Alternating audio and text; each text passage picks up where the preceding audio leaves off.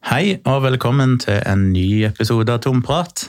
Og denne gangen så sitter jeg faktisk i studio igjen for første gang på ja, Jeg ville aldri spilt inn Tomprat fra studio, faktisk. Det har jeg alltid spilt inn hjemmefra, men jeg har jo spilt inn dialogisk her mange ganger.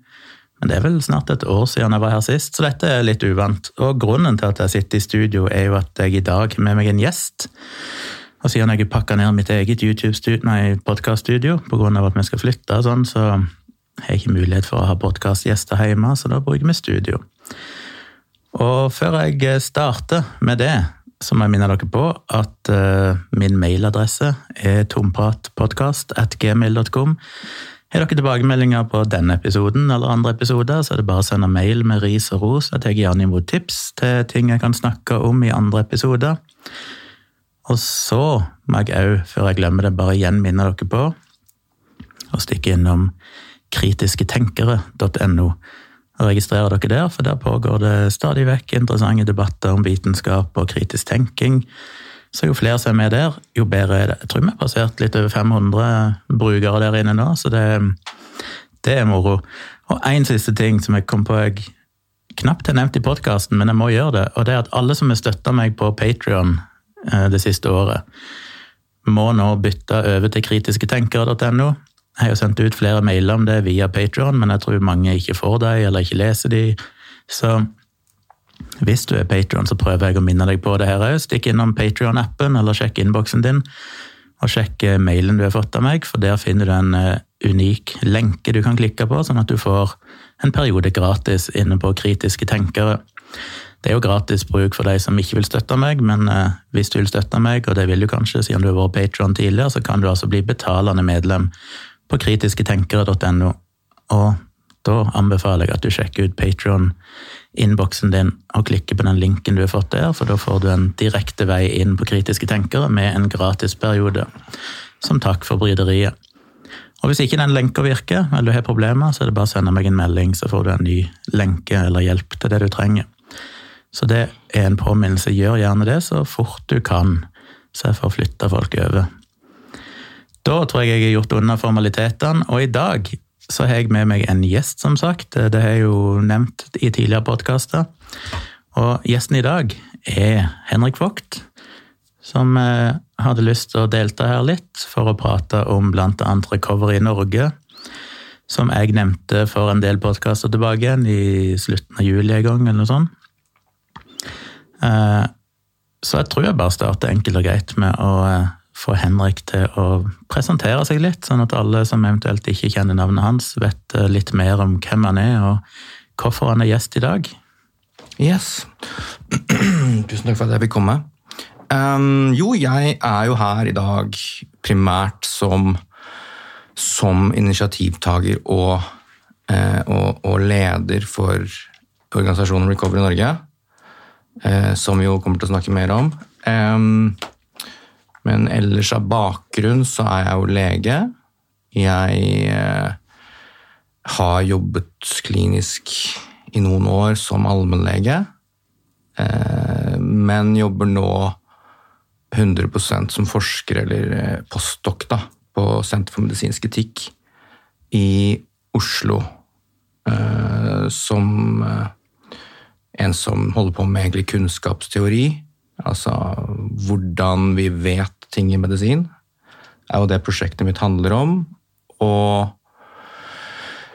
um, som har skrevet, måte, Jeg har skrevet doktorgrad om, om medisinsk filosofi. Eh, mer overordnet, og spesielt om person, såkalt persontilpasset medisin.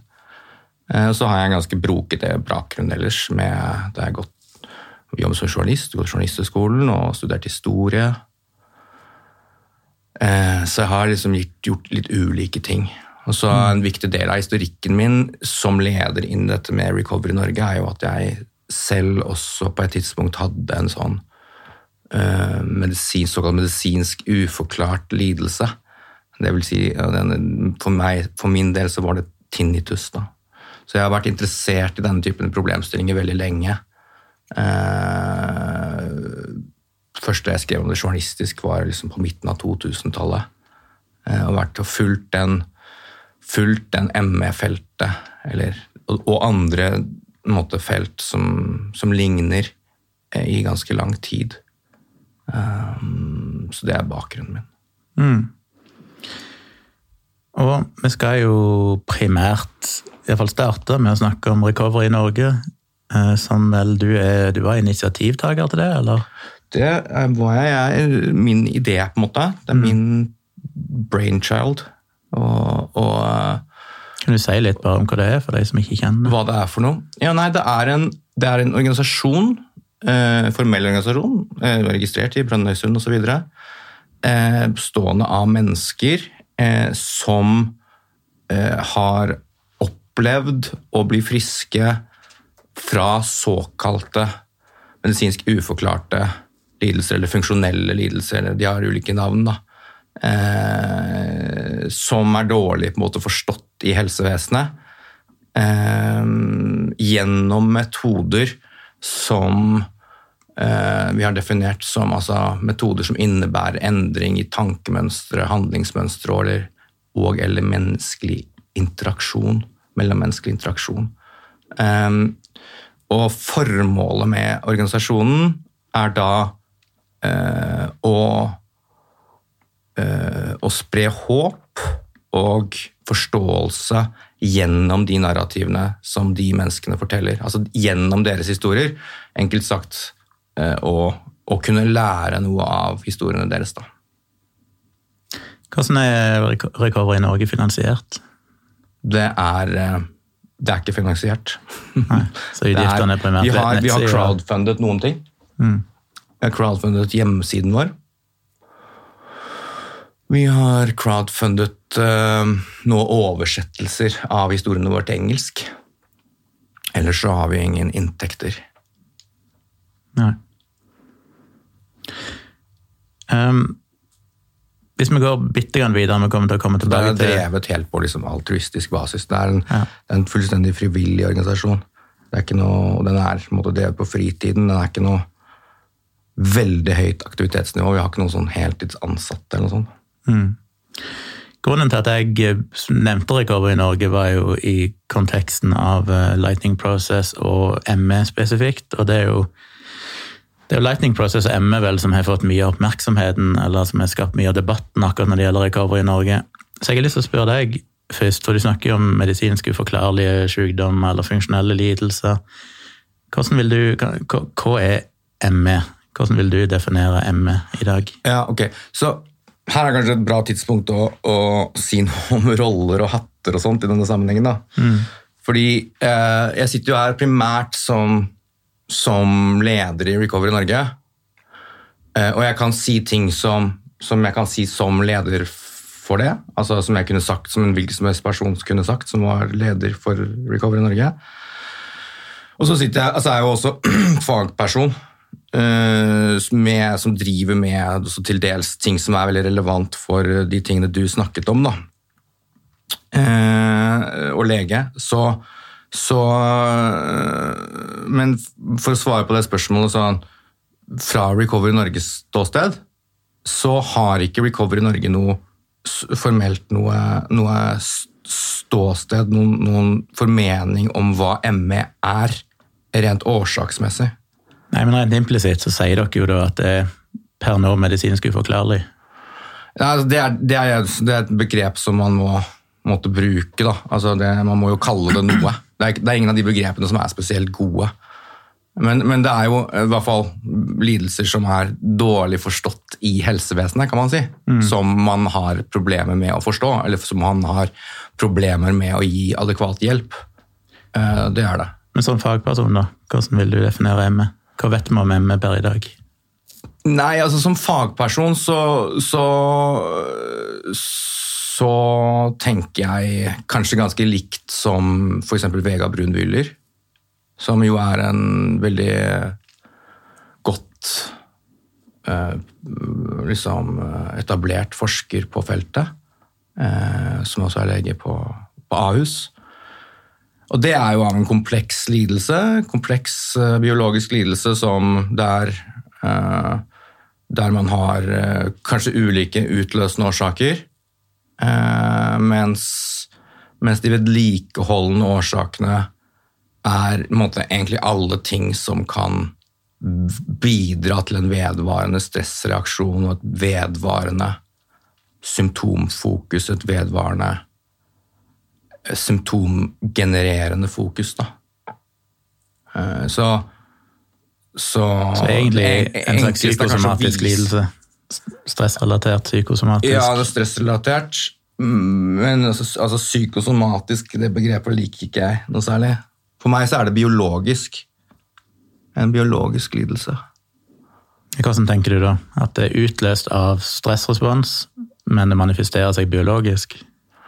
Altså, eh, altså Med biologi så mener jeg jo da hele kroppen, inkludert hjernen. Altså, konseptet biologi har jo en tendens til å bli veldig altså er jo veldig, i, de siste tiårene veldig definert av molekylære biologien. Så når vi, kaller, når vi snakker om biologisk, eh, så har vi en tendens til å tenke på molekyler og celler. Så Når vi snakker om en biologisk forklaring eller en biologisk sykdom, så har man en tendens til å til å em, s- snakke om ting der man mener å kunne forklare ting med en eller annen spesifikk mekanisme på celle- eller, eller molekylplan. Og det er liksom blitt, det er en type en tankegang som ville vært ganske fjernt fra på en måte 1800-tallets biologer, men som har blitt veldig definert av molekylærbiologien, som har vært veldig definerende for, for biologien i medisin eh, siden 50-60-tallet. Så i dag når man sier biologisk, så mener man gjerne liksom molekylært eller cellulært. Men, men når jeg sier biologisk, så mener jeg hele mennesket. Altså, jeg tenker ikke at det er noe som er ikke-biologisk. Så du Det sånn definerer da depresjon og bipolar lidelse og Jeg tenker tenker er sånn at det er ingenting ved menneskekroppen som er ubiologisk. Da, hvis du skjønner. Nei.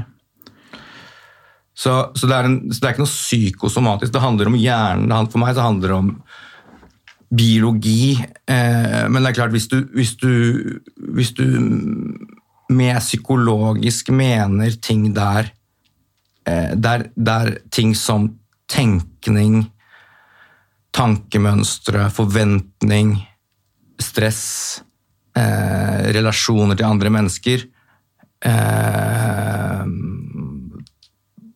at det spiller inn, hvis man med det mener psykologisk så, og definerer det sånn, så er det jo det også. Men, men jeg tenker ikke at det er psykosomatisk. altså Det er et veldig dårlig begrep. Det, det, det, det ligger liksom tanken, som vi kanskje kan snakke litt mer om senere også, det er tanken om at det er en syke som er isolert fra kroppen, som på en måte påvirker kroppen. Eh, du har jo noen formuleringer i boka di også rundt dette, som, som har det der i språket. Uh, og jeg tenker at veldig mye av disse tingene, mye av den dårlige forståelsen av disse tingene ligger i språket vårt. Vi kan tenke at vi liksom uh, Det er ikke noe skille liksom, eh, mellom syke og soma, men, men det ligger i språket vårt. Uh, og et begrep som psykosomatisk gjør det med oss at vi tenker galt av sted med en gang. Så jeg tenker ikke på det som psykosomatisk, jeg tenker på det som en biologisk lidelse. Så kan vi diskutere hva, hva som ligger i ordet biologi.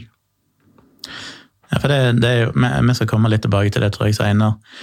Eh, for den er interessant. Det er liksom flere lag der. Det er litt som en, en løk du kan skrelle deg litt nedover. Men, men før vi går videre på det, så er jeg litt nysgjerrig på å få en liten forklaring på hva lightning process er. Eller kanskje vi kaller det for LP underveis, men eh, lightning process. For det spiller en, en rolle i den debatten. Selv om teknisk sett så er jo ikke Recovery i Norge knyttet opp mot lightning process formelt sett.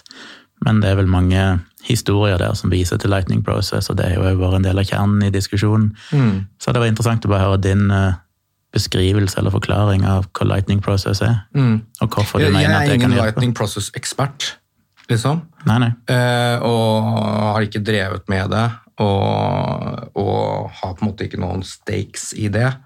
Men eh, jeg har jo Jeg har jo snakket med mange som har vært der, først og fremst da, nå. Og jeg har jo, eh, jeg har jo snakket med andre fagfolk som har vært på kurs. Jeg har faktisk ikke vært det selv. Um, for å observere. Jeg har lenge tenkt jeg skulle gjøre det, men jeg har aldri fått ut fingeren. Um, men ut fra hvem men, men, Og ut, så man, kan man jo lese. Det er mange som sier at det, liksom, det er så mystisk, men det fins jo publikasjoner som beskriver dette. Eh, som du kanskje har lest selv også. Eh, som beskriver eh, grunnlaget. Og, og, enkelt sagt så er det jo, det er jo et mentaltreningskurs. Uh, der man lærer, sånn som jeg forstår det, en ganske konkret altså Først så har du, Det er tre dager. Først så har du edukasjon. altså du har De begynner med, med opplæring i, i liksom kroppens stressystem. Eh, ganske sånn grunnleggende hvordan hjernen er koblet til kroppen, liksom.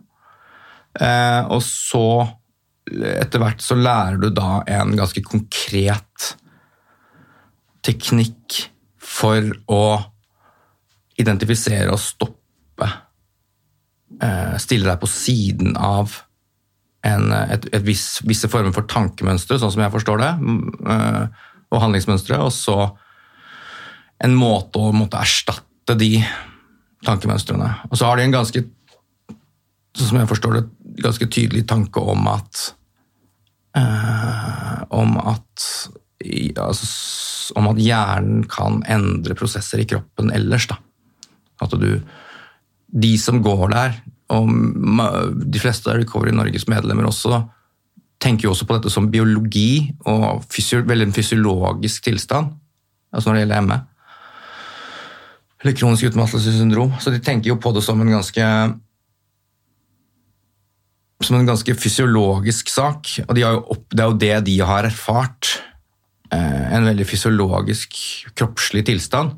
Så deres opplevelse er jo at Og også teorien i den, den uh, under Lightning Process er jo, er jo vinklet på at uh, fysiologien i kroppen endres gjennom hvordan hjernen endres da, plast, plastisk.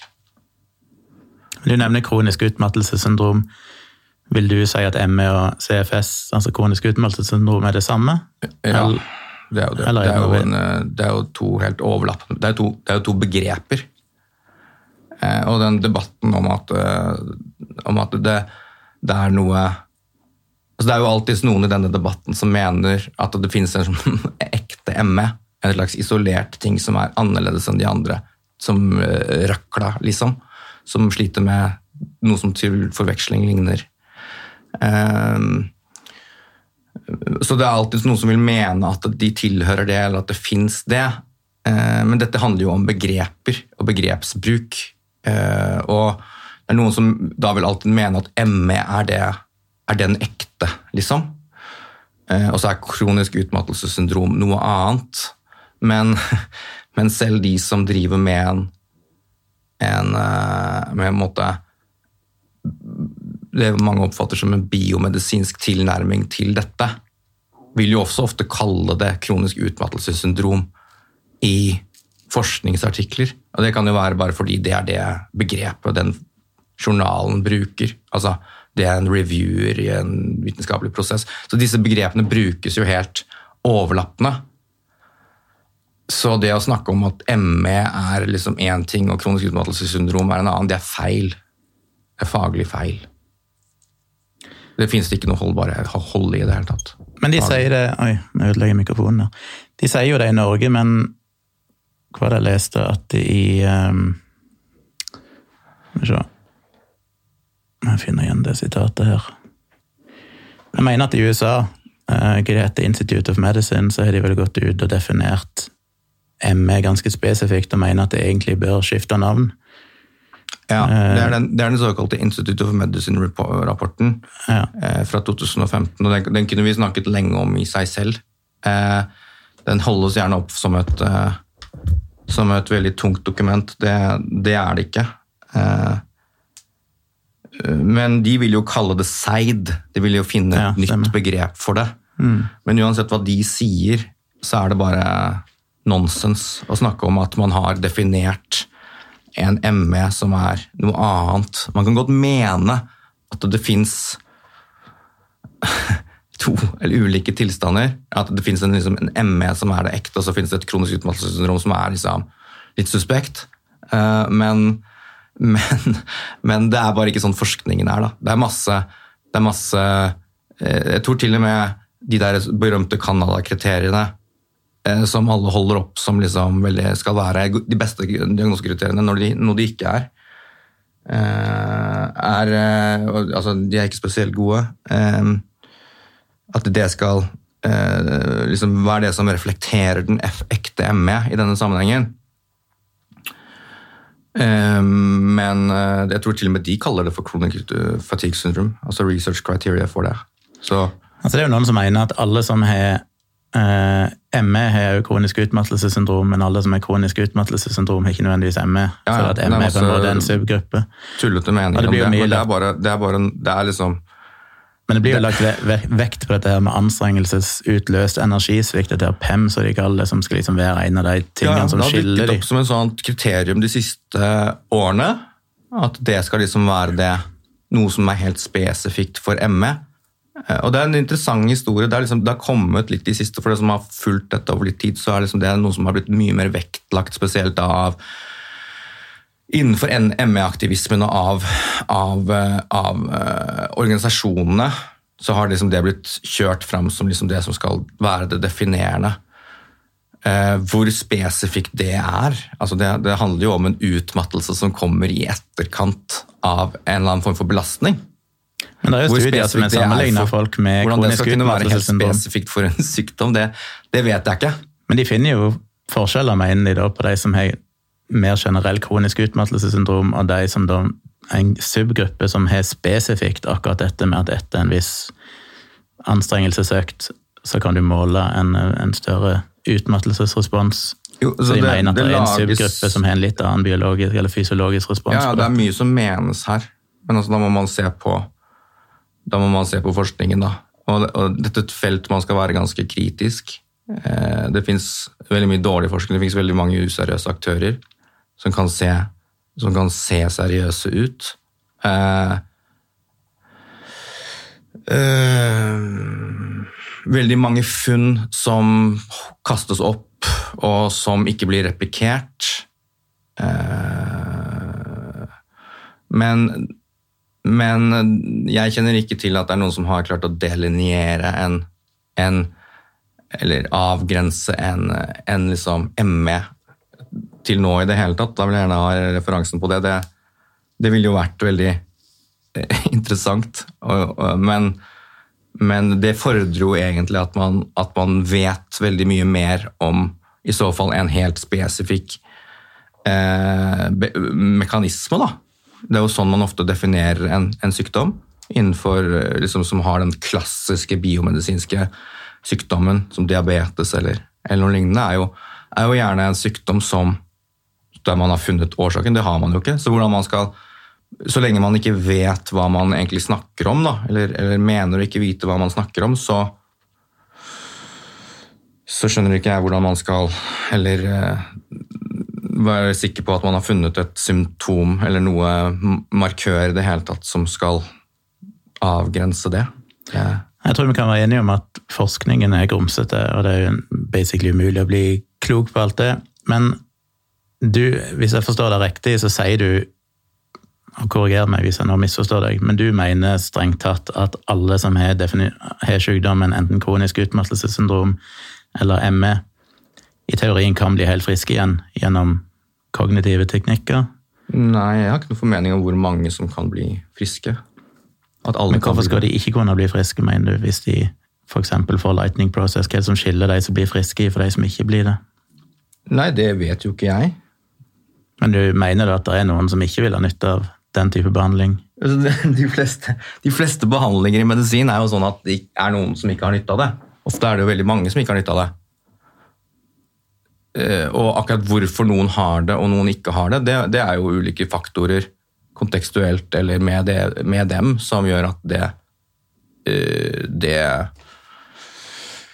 det da ikke fungerer for dem i den grad det fungerer, så, så, er det noen som ikke det går for. Og det er jo, det er jo variasjon innad i gruppen eh, som kan ha med Som kan ha med hvor de er i livet, kontekstuelle ting. Hvor de er i livet da. Eh, genetikk. Eh, Men du sier fortsatt at ut ifra alt du sier, så er du fortsatt helt overbevist om at det ikke vil eksistere noen biologisk mekanisme som kan forklare ME? Altså, du virker ganske jeg, trygg på det. Jeg ville bli veldig overrasket, jeg vet jo ikke, men jeg ville bli veldig overrasket hvis man finner en, finner en, en, en sånn helt spesifikk, klassisk biomedisinsk forklaring. Hvis du forstår hva jeg mener med det? Ja, Hvis du tenker på sånn uh, andre typer utmattelsessymptomer folk kan få. Hva sier du? En klassisk biomedisinsk forklaring. Ja, jeg skjønner det. Ja. Men jeg lurer litt på hvor grenselandet der går over til f.eks. folk som har fått en eller annen utmattelsessyndrom etter en eh, virusinfeksjon. Ja. Er det det samme, eller det, vil du kalle det for mer biomedisinsk, eller eller Nei, det er jo altså, bare mentalt, altså egentlig. Altså når du har, når du har en, hatt en, en, virusinfeksjon, så har du jo vært gjennom en tøff påkjenning, først og mm. fremst. Mm. Der, der immunapparatet ditt er aktivert, der hele stressystemet ditt er aktivert, der metabolismen din er endret osv. Som er ganske non-spesifikk. Eh, men det betyr jo ikke at den tilstanden vi alle opplever etter f.eks. en influensainfeksjon, eller mange for den saks skyld opplever nå etter covid-19, er noen, noen spesifikk defekt, på en måte eh, av typen eh, Kroppen kan ikke produsere insulin. Eh, eller sånne, sånne klassiske eh, biomedisinske forklaringer, da, som gjerne er liksom sånn paradigme, det paradigmatiske, klassiske forklaringene. Det, det betyr jo ikke det. Jeg tror ikke at det er Svar på spørsmålet? Ja, jeg sliter jo fortsatt litt med å forstå akkurat de skillene. For hvis det er jo enkelte som blir langvarig syke etter til og med en influensainfeksjon. Og vi har jo mm. sett noe long covid, altså det er mye debatt om hva utbredt det egentlig er, og sånn, og hva det egentlig er for noe. Men mener du Eller er, er det ikke de som blir Jeg har eksempel en, en kompis som hadde kyssesyke, og det er jo en vanlig ting som de da sier de får kronisk utmattelsessyndrom etterpå. Han har aldri nå 20 år senere, aldri blitt frisk igjen. Han var en toppidrettsutøver kan ikke nå engang jogge eller noen ting uten å bli dårlig. Mm. Altså, Hva er det som forårsaker det? Mener du at det òg er noe som egentlig er en slags stressrespons, eller noe sånt, eller har det skjedd et eller annet, en autoimmunrespons som har ødelagt et eller annet? Altså jeg, jeg, vet ikke om jeg har lyst til å mene så veldig mye om akkurat hva som er Men er ikke det ganske sentralt hvis noen mener at de har fått ME av en sånn ting, ja, og det faktisk er noe biologisk som er galt? Vi må jo, må jo liksom være fremheve litt usikkerheten i det også. Altså, jeg tenker i hvert fall ikke at det er en autoimmun tilstand. Det er jo ikke vist. Så før, før man viser at det er en autoimmun tilstand, så, så, må man jo ha med seg hva som er definisjonen av en autoimmun tilstand. Det er jo mange i dette feltet, også tilsynelatende seriøse forskere, som, eh, som, snakker om at de mener at dette er en autoimmun sykdom. Men altså, en autoimmun sykdom har i immunologien en ganske spesifikk definisjon. Eh, som handler om at visse typer celler skal gjenkjenne et visst type antigen i kroppen osv. Så Sånne ting er jo ikke vist ved ME. Og det er en forskjell på det at immunapparatet er aktivert, eller at det finnes endringer i immunforsvaret eller immunmarkører, eller immunmolekyler, cytokiner og sånt i kroppen, og at det er en autoimmun sykdom. Så jeg tenker ikke at det er en autoimmun sykdom. Det er ikke vist. Eh, og, og, tenker feil å si. Eh, men, eh, men altså, Vegard eksempel, mener jo at dette, dette, er forenlig med en vedvarende kronisk stressreaksjon. Der, der visse ting trigger også da, forverringer, stressreaksjoner. Så den type forståelse er liksom det mer jeg er på. Men jeg har ikke, noe, jeg har ikke svaret på det, hvorfor han er er der hvor han er. Nei, jeg er jo ikke noen fagperson, så jeg spør deg. Jeg bare lurer på, jeg trodde det var ganske Men det er forskjell på å være fagperson og ha svarene på alt, vet du. Jo, jo, men jeg er nysgjerrig på hva du stiller deg, for jeg bare prøver å forstå dette her landskapet. Ja. For jeg opplever det jo som at jeg trodde det var relativt medisinsk etablert at det er folk som kan få langvarige symptomer etter en eller annen infeksjon. Og det kan slå ut på forskjellige måter. Noen vil kalle det ME, kronisk utmattelsessyndrom, en eller annen postviral lidelse, kanskje long covid. Men er, vil, er, er, din mening at alle de egentlig kan kokes ned til at det er en eller annen form for stressrespons eller et eller annet i kroppen? Da? At det ikke er noe som faktisk blir i går så ødelagt i kroppen rent biologisk? jeg, fører jeg har jo ikke sånn at jeg tenker at alle, jeg går ikke rundt og tenker sånn at alle, jeg vet hva alle feiler, eller hva som er problemet. Men altså, i denne tankegangen så, ofte, så, så skiller man ofte mellom utløsende og vedlikeholdende årsaker. Og, det, og det gjelder ikke bare utmattelse, men det gjelder f.eks. i smerteforskningen. Så, så det kan være mange veier inn i en tilstand som, som er sånn som sånn som ME, og det, det er jo mange syndromer også som, som er til for, forveksling like, f.eks. For postkomotiosyndrom, folk som har slått seg i hodet. Eh, men det kalles noe annet, men syndromet er veldig likt. Så det kan være mange veier inn i en tilstand, altså utløsende årsaker, eh, som også da er selvfølgelig vist ved ME, at det kan være, veien inn kan være en, en eh, virusinfeksjon, eller det kan være stress på, i, i livet. Uh, ulike utløsende årsaker, gjerne sammen. Og det viser jo eller det, det, det er også fore- forenlig med historiene til medlemmene når de Recover Norge. Altså, det er ofte flere ting på en gang. Og så kan det være andre årsaker som er vedlikeholdende. Som vedlikeholder en tilstand over, over år. Uh, og der kan det f.eks. være ting som som eh, den livssituasjonen du er i, som er ekstremt stressende i seg selv, i og med at livet ditt faller fra hverandre. Eh, Det kan være eh, en måte en, en forventningsdrevet Altså at man at man at det, det er en læring i hjernen som gjør at visse reaksjoner utløses gjennom visse, visse stimuli. Eh, sånn læringspsykologisk eller lærebehavioristisk, eh, læringsteoretisk. Eh, men som sagt, altså Recovery Norge er ikke det vårt som organisasjon er ikke, er ikke opptatt av det. Hva som er liksom årsaken. Det er ganske viktig å forstå. Fordi Recovery Norges medlemmer kan ha ulike tanker om hva som var årsaken til problemet deres. Og årsaker til, til hvorfor det vedvarte også.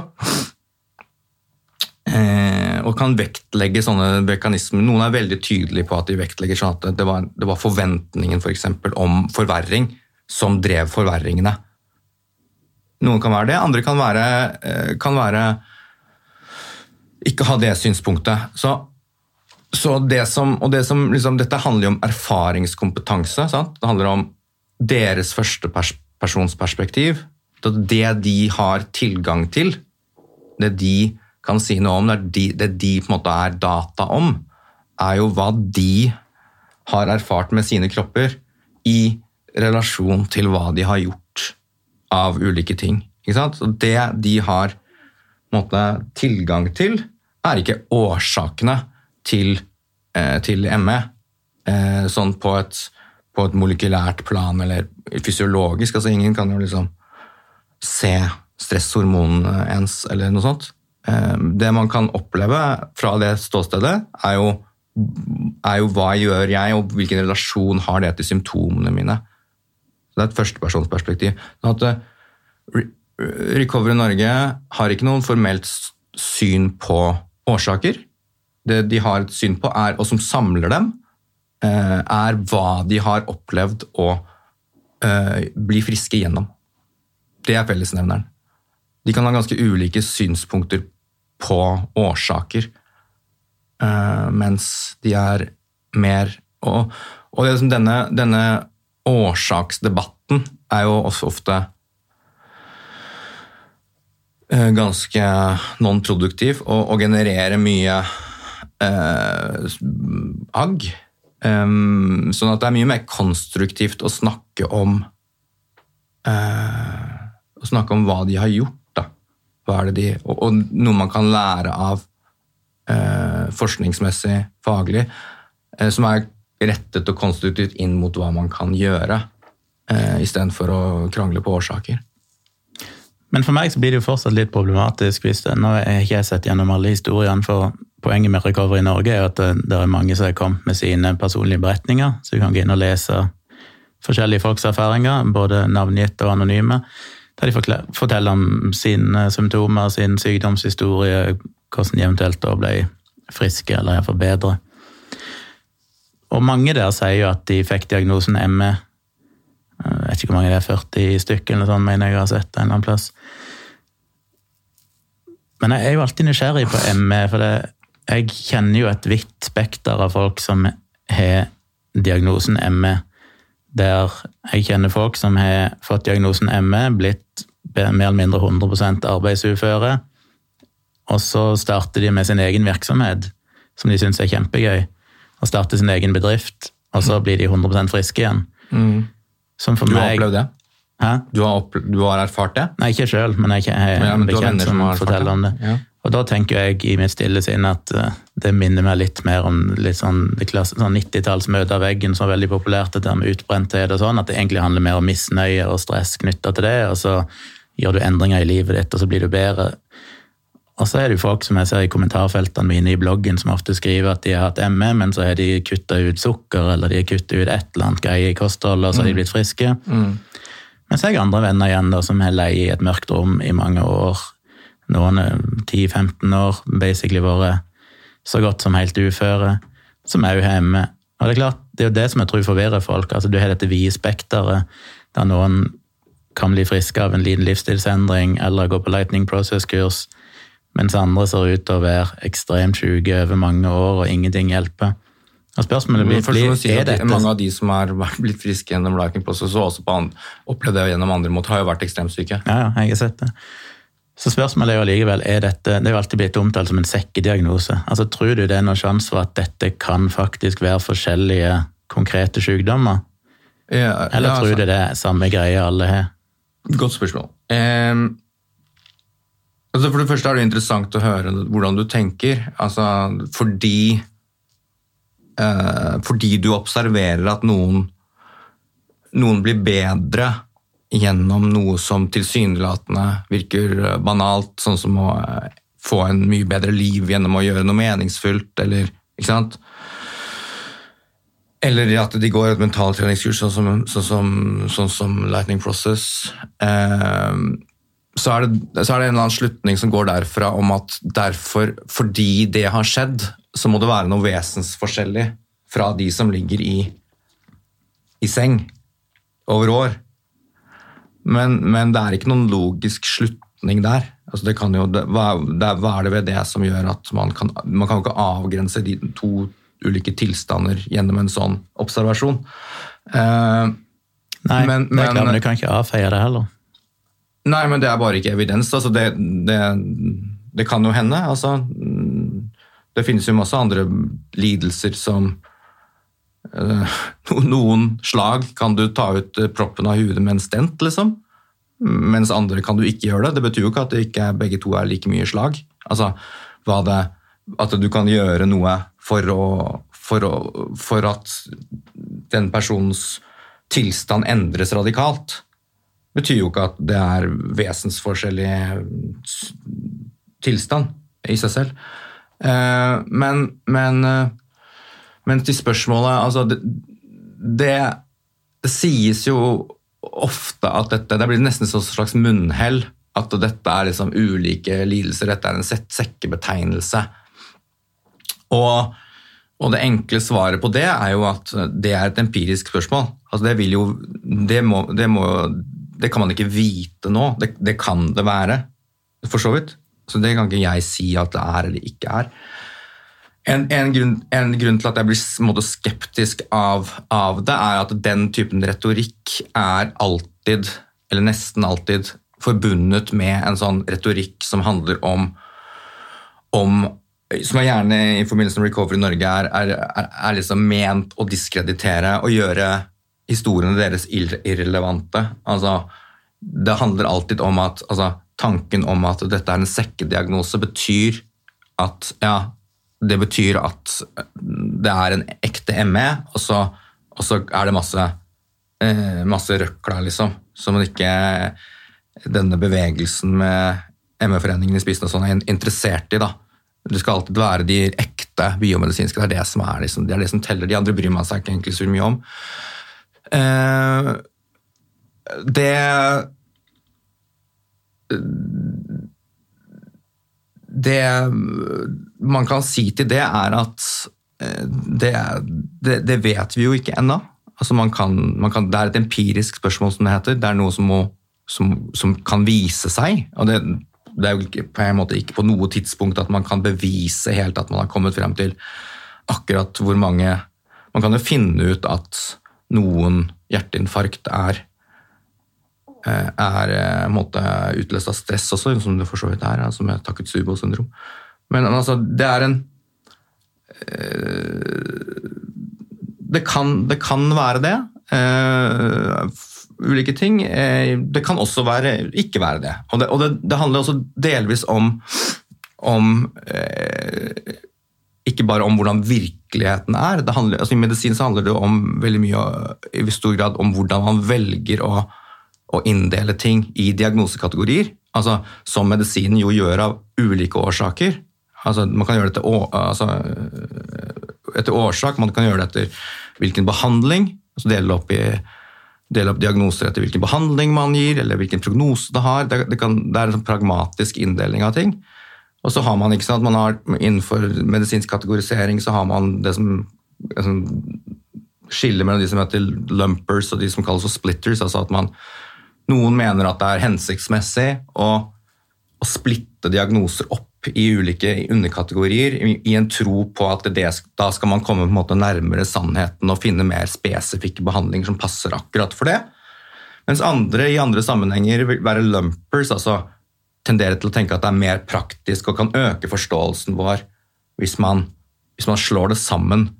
Eh, og når det gjelder ME, så kan det jo så er det så, altså, det er ikke sånn at man vet at det er Eller eh, at det er eh, eh, mange eller få. Eh, det man vet eh, i dag, er jo at man kan man kan anta at det er flere, det er, det er en antakelse. Man kan anta at det bare er én, det er også en antakelse. men, men det er ingen måte, i hvert fall rent diagnostisk, å, å blinke ut noe, noe som er mer spesifikt enn annet. Eh, så, sånn som det er i dag. Så Derfor så har man ikke noe verktøy i dag for å liksom blinke ut at du, ja, du er den som du er den som er liksom den tulle-ME-en, så du kan kanskje gå på LP, liksom. Det, mens du er Du har ekte ME, eller, eller er en Så det er ikke, noe, det er ikke noen måte å kategorisere dette syndromet på i dag. Altså det blir mer et spørsmål om hva man mener er hensiktsmessig. Eh, hvordan strategi man mener er hensiktsmessig for å tilnærme seg det. Det er f.eks. Vegard Brun Wyller har jo hatt en tankegang om at det er, det er lurt å, å lage en litt større gruppe for å finne mønstre der, og så eventuelt snevre inn senere. Mens andre mener at det liksom, du skal lage en mye mindre kategori og, og har en tro på at da skal du finne fram til sannheten. liksom. Men du er jo en tilhenger av lightning process, man vil kunne si. Du har vært ganske tydelig på at du mener det er noe som kan fungere for en del. Tilhenger av tilhenger. Jeg mener at det er holdepunkter for å tenke at det er at det, at det, det kan virke for noen, ja. Men hva er evidensen for det? Evidensen for det. Ja, det er jo noe av det som ligger til grunn for din kritiske podkast. Der du sier noe om at det vet du ingenting om. Og det, det vil jeg si er feil, Gunnar. Da har du ikke satt deg inn i sakene. Eh, evidensen for det, for å begynne liksom på toppen, er jo Det finnes jo, det finnes jo faktisk en randomisert kontrollert studie på Lightning Process. Er det den med de 100 ungene, eller? Ja. Ja. Så det jo, Men den er jo for sterk kritikk etter at de har blitt ja, anbefalt men da må du prøve å skille mellom aktivisme og den kritikken Men det er jo som legitime poeng. Altså, Jeg har ikke noen part i noen Ta- sak, men jeg har jo Hvis du skal gå grundig inn i det, så, så ta ring forskerne. Jeg klarer ikke å gå inn i den kritikken, men, men du må se at du er i en, i en kontekst med en aktivisme som til dels er antivitenskapelig, som er helt useriøs. Og den vil alltid være en helt ekstrem kritikk mot studier som jeg syns du, som liksom skal være rasjonalist, skal ta ganske alvorlig. Som er ekstrem, ekstrem kritikk og helt uforholdsmessig angrep på forskere og forskning som ikke likes av ideologiske grunner av denne av, denne av denne eh, eh, behandlingen. Så at Nei, jeg er veldig klar over Sånn det. at, nei, Men det tror jeg ikke du helt er. Jo, jeg er det. Er Men samtidig det? så føler jeg at du går litt andre veien, at du aksepterer problemer med forskning fordi at Jo, men det, det fins alltid, det finnes alltid problemer med, med studier. Altså, det er veldig lite forskning som er perfekt. Det vil ofte finnes feil. Derfor er jo evidensen svak, hvis det basically er én Ja, randomisert men det er ikke, ikke evidens. Du snakket om at det ikke var noe evidens. Det er feil. Det er noe evidens. Det er Ja, en men det er svak evidens. Ja, okay, du kan finne men enkeltstudier er- som viser finnes- at homopati virker, som er randomiserte, kontrollerte kontrollerte Ja, men studier. det finnes en studie. Det, Ja, men det det er er for dårlig. Det er ikke noe som en fagperson ja, det burde gå ut og anbefale. det er ikke ikke-evidens. Nei, men det kan du si om homopati eller hva det- som helst. det var det Alle du kan ga- finne en Det var det du ga uttrykk for, og du nevnte ikke det. Nei, for per definisjon så er det ikke evidens hvis du basically er én studie som har svakheter. Det er Det det, er verste tøyset jeg har hørt. Altså, det, er jo en, det er jo evidens. Det er evidens hvis Ja, det er evidens. Hvis du snakker om evidensbasert medisin, eksempel, ja, så er det Ja, evidens. det er en studie. Men snakker du om vitenskapelig basert medisin? Det er en studie. Så Ja. det er en, ev- for Men du vil jo ikke det. akseptere det i andre sammenhenger. Det ville jeg aldri gjort. Jeg ville ikke sagt at jo, dette stemmer nok, for det finnes én studie med noen svakheter som tyder på at dette kan skje noe i. Det er veldig dårlig evidens. Det er jo evidens. som støtter noe. Og så vil man alltids ønske seg mer. Det finnes jo mange tilfeller der i medisin der man ikke har noe, eller der man har en randomisert kontrollert studie. Eh, og så finnes det kvalitative studier som stort sett viser positive resultater, og så finnes det erfaringsbasert kunnskap. Så Det er evidensen for Lightning Process. Så må, så må vi selvfølgelig ønske mer kunnskap. Og Det er jo derfor vi også ønsker mer. Recovery Norge ønsker jo mer, mer forskning på dette. Men hvordan trekker du noen Hvor plasserer du lightning process sammenlignet med f.eks. kognitiv atferdsterapi? Er det basically det samme, eller vil du si det er to forskjellige ting? Jeg tror jeg kommer litt an på hvilket perspektiv man velger å ta. Også om man velger å ta et sånn nærsynt perspektiv der man står liksom og ser på ulike psykologiske eller atferdsrelaterte eh, metoder, eller om man tar noen skritt tilbake og ser på det. Eh, så at Hvis man tar noen skritt tilbake, så er det jo begge to Kognitiv terapi er jo ting som er basert på menneskelig interaksjon, som er basert på som er basert på å endre tankemønstre som har med endring av atferd å gjøre. ikke sant? Sånn at Det er jo mange likhetstrekk sånn sett. Eh, Men kommer man veldig mer inn på sånn det tekniske innenfor psykoterapiforskning, og sånn, så, så er det jo muligheter å, for, å, for å se forskjeller på det. Men hva- jeg har jo prøvd å finne ut Det er jo likhetstrekk, selvfølgelig. Det jo, Begge to er jo kognitive teknikker. liksom. Men ut ifra det jeg kan forstå, så er det jo ikke god evidens for Og det, glemte process. jeg å si. Så kognitiv terapi Man kan jo også ekstrapolere fra den. Altså, det fins jo mange studier som viser effekt fra kognitiv terapi. Eh, uansett hva du måtte høre fra ymse aktivister. Eh, så, eh, så i den grad eh, Og det fins også der faktisk studier, eller studiegjennomganger, som som eh, der konklusjonen på en måte er at det øker eh, sjansen for, for å bli frisk. Da. Um, men eh, men eh, Så at man kan også tenke at man kan ekstrapolere litt fra den evidensen. En analogi. Da. At det, at man, hvis man tenker at kognitiv terapi er noenlunde analogt med, med lightning process, så kan man tenke at man kan at det også er en form for evidens for lightning process. Men, men det sagt, så er det liksom Det er jo absolutt behov for mer forskning på, på lightning process. Men du er jo opptatt av det med aktivisme, og jeg når eksempel engelske nye behandlings... Det gjør NICE, eh, National Institute of Health and Care Excellent, som har gått gjennom forskningen på kognitiv terapi og gradert trening som behandling ved ME. Og de nå, i det utkastet som foreligger, som sannsynligvis vil bli godkjent, så vil jo de ikke lenger anbefale den type behandling, og eksplisitt fraråde lightning process.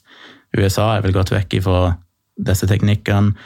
Belgia og Nederland har estimert evidensen for at disse metodene, kognitiv terapi og gradert trening, er veldig dårlig.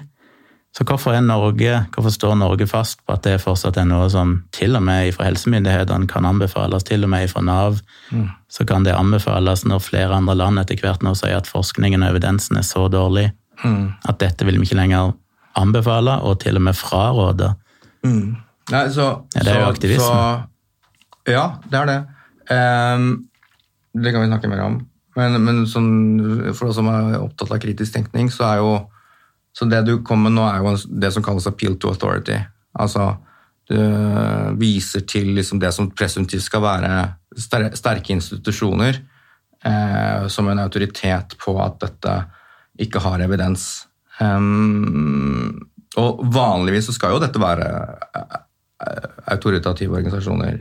Eh, det vi har sett de siste årene, og som jeg igjen tenker er en ting som du burde være opptatt av som evidensperson og, eh, og eh, rasjonalist, er jo at disse organisasjonene blir utsatt for veldig, veldig sterkt press.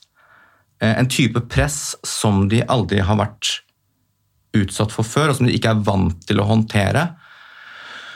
I at de føler seg nødt til å inkludere det de oppfatter som brukerne, da, i, i, i form av eh, ME-foreninger verden over, som deltakere i evidensprosessen. Og når det gjelder NICE, eh, så er det en veldig, veldig problematisk prosess nå, der disse organisasjonene med sine eh, med sine eksplisitte synspunkter på hva, eh, på hva dette skal være, og sin på en måte agenda som ikke har å gjøre med å hjelpe disse pasientene. Det har jo ikke å gjøre med at, med at det skal gjøres bedre for dem primært. Det handler jo om å vise at det er fysisk, liksom. De organisasjonene har påvirket NICE ganske mye eh, i en prosess som jeg tenker er ganske uryddig og som det nå virker som, kanskje. Eh, De har skjønt det litt selv, for slik jeg har forstått det, så er jo den, den prosessen satt litt på vent nå. Den NICE-prosessen. Men dette er ting som bekymrer fagfolk. Men det jo eh, som, har, som, driver med, som driver med dette på den måte, upopulære siden, er, er, er hvordan disse prosessene i i eh, f.eks. NICE, og, og tidligere også IOM-prosessen, som man gjerne viser til. Den er jo, det er et produkt, IOM-rapporten og nå NICE-rapporten er jo produkter av at av at eh, organisasjoner, en bevegelse, en aktivistisk bevegelse, har lyktes i å få inn folk som produserer de resultatene de vil, enkelt sagt. Og det tenker, jeg, det tenker jeg du burde være interessert i å bekymre deg over. for å si sånn. Men samtidig, så på den andre sida, når du virker som du ikke gjør. Ja, det er din mening. Eh, Jeg prøver å finne ut av dette, prøver å forstå hva som egentlig foregår. Eh, Og jeg har jo aktivt ikke engasjert meg i noen ME-foreninger eller Facebook-grupper, eller noen ting sånt, for jeg er egentlig ikke interessert i de der Du har jo donert penger til, til en biomedisinsk studie, så du har jo dine intellektuelle interessekonflikter, du òg. Ja, jo, for ti år siden, eller noe sånt, eller hva er det, 20 år siden, Ja. et eller annet sånt, så ga jeg eh, Vi har jo alle vår posisjon i dette, Gunnar. ja, Men jeg skjønner ikke helt at det er problematisk. Du skjønner ikke det, nei? Det var Nei. rituximab-studien Det er det som kalles en intellektuell interessekonflikt. At man, at man liksom forplikter seg og har ganske liksom, har, har en uh, stake på en måte personlig i et visst form for ståsted. Ja, Og som, som genererer det som heter confirmation bias, som du kjenner.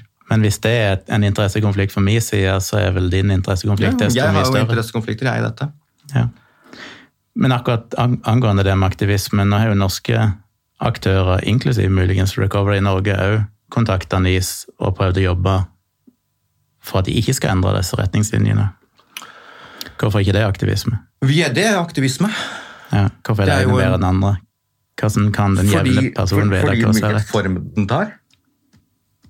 Eh, og det, å sammenligne de to er jo Den researchen burde jeg ikke trenge å gjøre for deg. nær sagt. Altså Hvis du syns at det er parallelt hva Recover Norge gjør med det som liksom ulike organisasjoner gjør der ute, og hvis ikke det er åpenbart at det er ganske forskjellige, eh, så jeg skjønner ikke hvorfor det er forskjellig, Altså, for Recovery i Norge har jo ingen evidens. Altså, vi, vi, Dere er jo Recovery kun en anekdotebasert organisasjon. Andre, de andre organisasjonene har jo eksistert i mange år. Vi kunne jo bli borte i, går, i morgen, og den, den, den aktivismen ville jo fortsette. Altså, Recovery Norge er jo motivert av at den stemmen ikke har hatt noen plattform, og at bare tanken om at den stemmen også burde komme frem.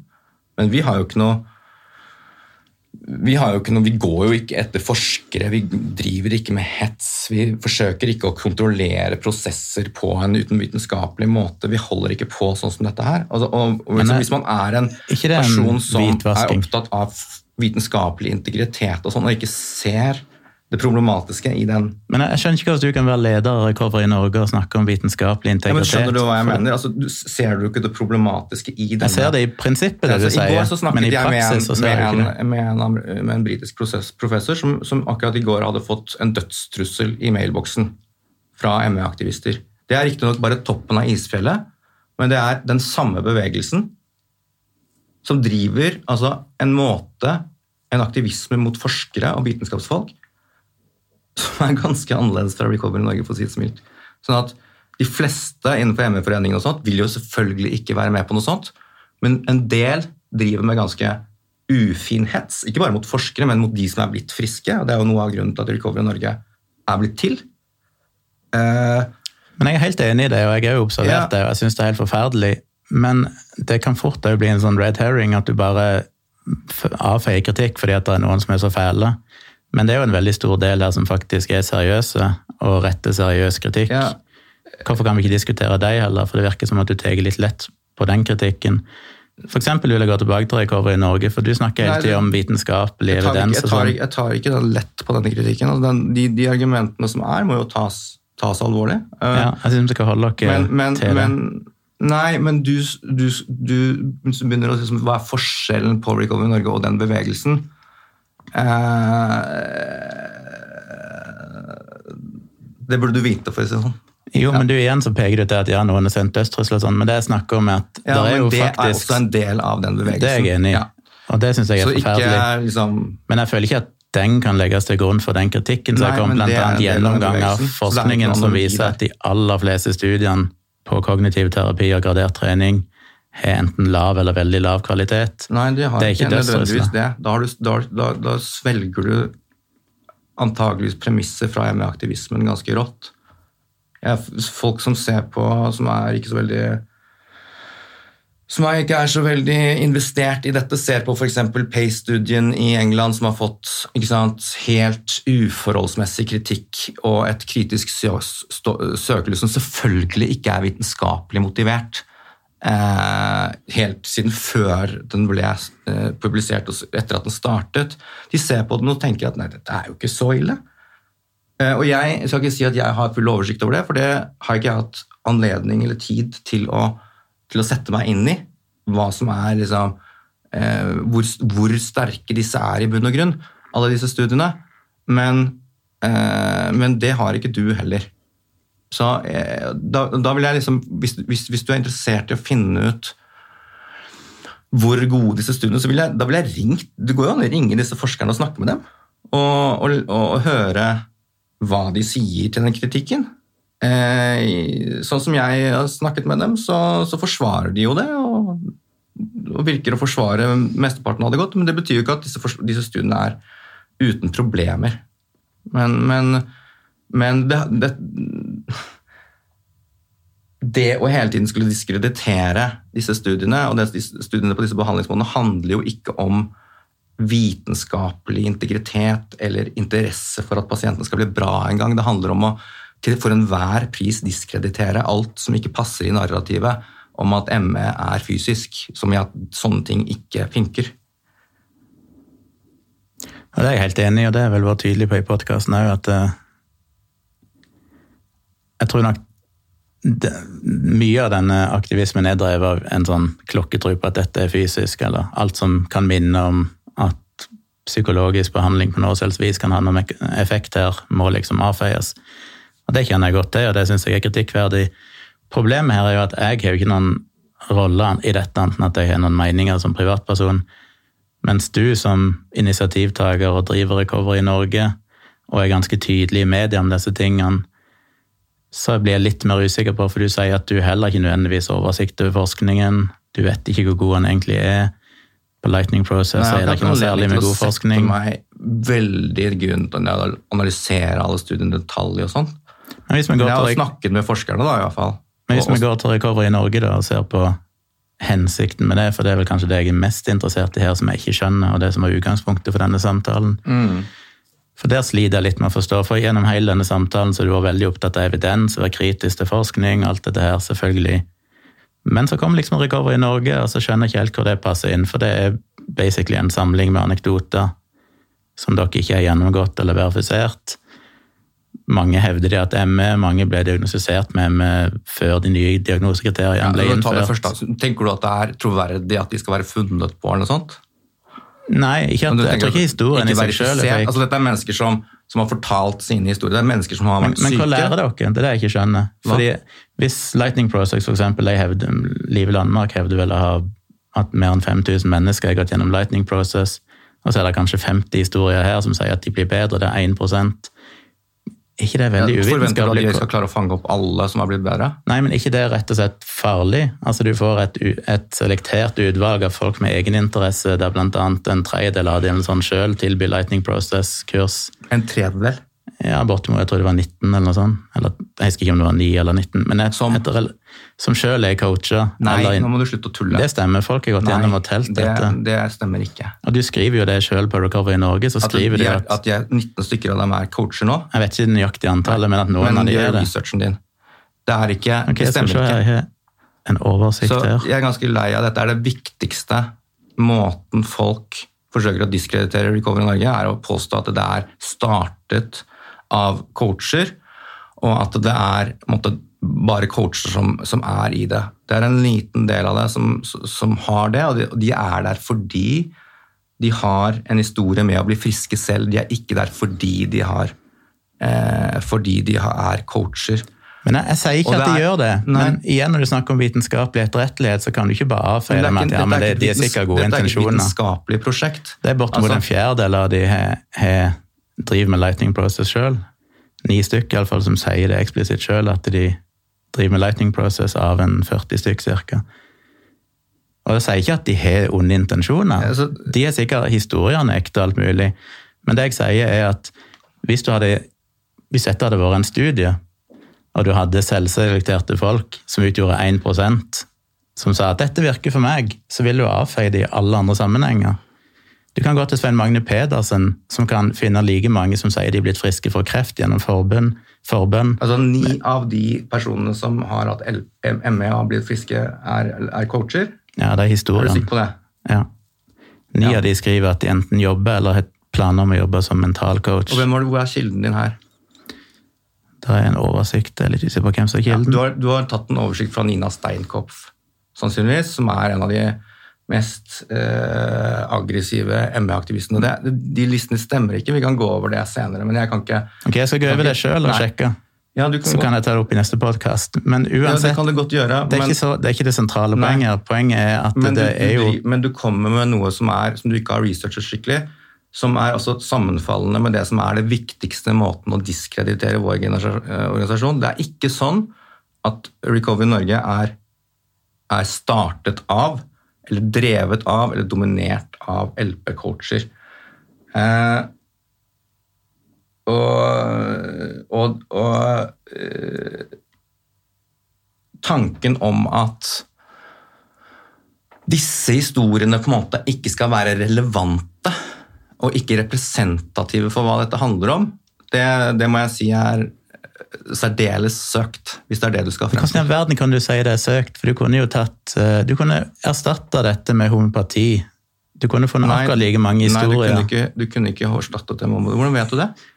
Fordi det finnes jo mange flere positive historier om folk som er blitt friske av homopati. Jeg kunne funnet flere enn det i kommentarfeltet. process de andre metodene er ikke homøopati. Og det er der, og det er der Nei, men da har du lagt til grunn at dette virker det er uten begynne evidens. å, å diskutere nyanser, da. Og der, er der det er liksom viktig å ha Men poenget er budskapet faglig- til folk. Ja, faglig, men det, her er det forskjellige ulike ting når vi diskuterer nå, men, men homeopati og lightning process er ikke det samme i denne konteksten. Eh, og, Hvorfor ikke? ja, det kan vi, vi, vi kan diskutere det, Ja, det vil men, men, diskutere. men, hvor, men hvor vil du begynne her nå? For hvis folk mener at de har blitt friske av homopati, så kan du si at ja, det skyldes mestringsteknikker, det skyldes andre uspesifikke elementer, ikke homopatien i seg sjøl. Ja. Hvorfor gjelder ikke det òg når det gjelder f.eks. lightning process eller andre kognitive teknikker i den sammenhengen? Og hvordan kan du gå For det Recovery i du- Norge eksplisitt sånn gjør, sånn som jeg forsto argumentasjonen i ja, altså tankegangen din i den forrige podkasten, for, for å gå tilbake til det, eh, så er det liksom at altså Problemet ditt er at LP er udokumentert alt- alternativ behandling, som du sier. Eh, Det er jo klassifisert som det. Eh, ja, så det er én ting vi kan diskutere, å ha et, eh, ha et nyansert syns, syn på ulike ting her. En man kan ha et nyansert syn på, er hva, hva er alternativ behandling. En annen ting er evi- evidens. Eh, en, ta, en, annen- en, en, en, en tredje er, er sånne ting som forskjellen på homeopati og lightning process. da.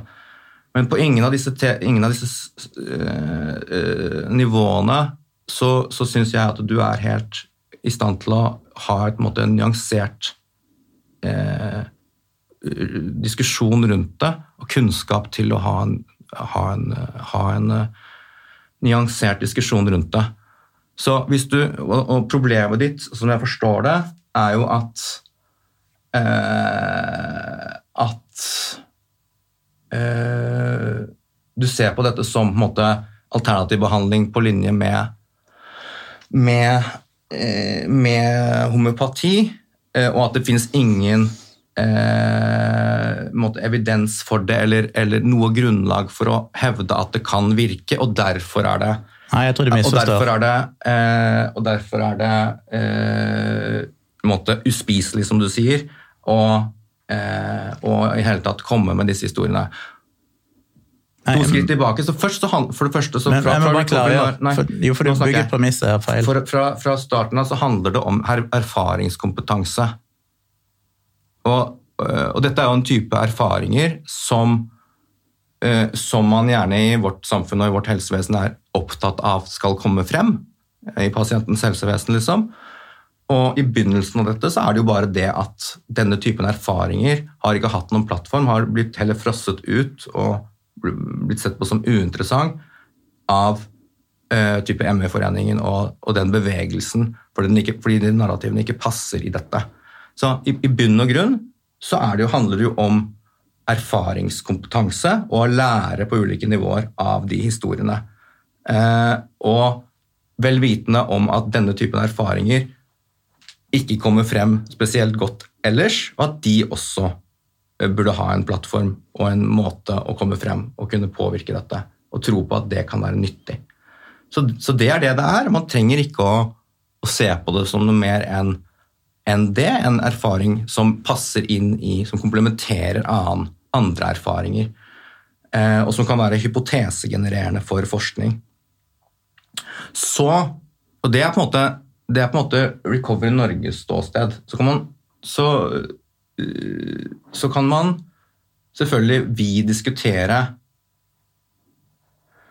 faglig, på en måte, eh, i, i hvilken grad det er evidens, og i hvilken grad disse historiene eh, kan fungere som evidens for at dette virker eller ikke. Eh, og det kan vi godt gjøre eh, nå. Og da er det ulike elementer av det resonnementet ditt. Eh, og vi kan jo begynne med det der med, med analogien du kommer med overfor homeopati, da.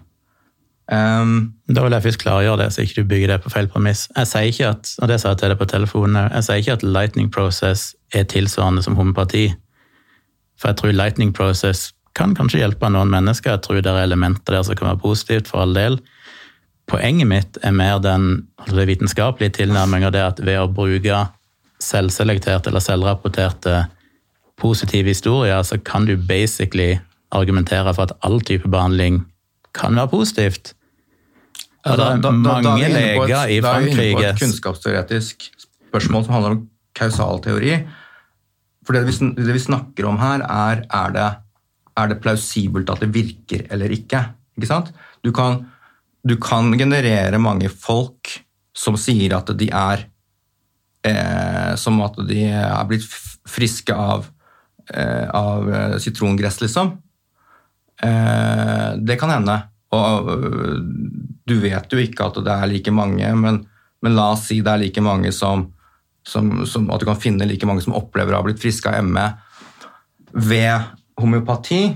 Eh, så, så, blir jo det da et spørsmål hva forteller de historiene, eh, eventuelt, og, og, et spørsmål om hva, du, hva de, hva de eh, forteller de historiene om LP.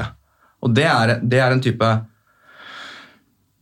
historiene som Recovery Norge uh, har, hvis man skal diskutere om de er evidens eller ikke for virkning, så må de ses i en kontekst. De må først ses i kontekst av annen forskning, og de må få ses i kontekst av ikke minst da det som eh, eh, Det som vites om kroppen.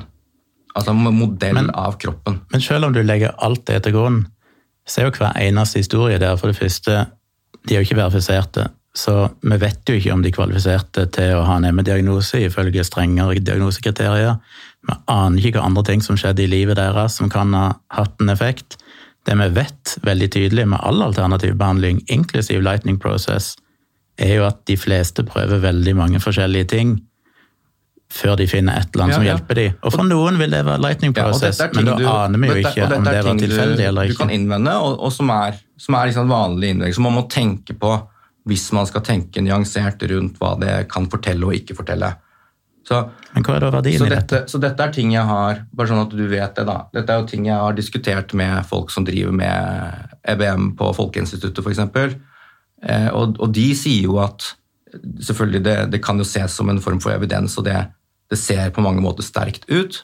Eh, sånn at hvis du tror at folk, fagfolk som er eh, som er veldig gode på dette her, ser på det som ingenting, sånn som du sier, så tar du feil. Det, det, dette er på en måte en faglig diskusjon eh, eh, som, som, krever en del nyanser.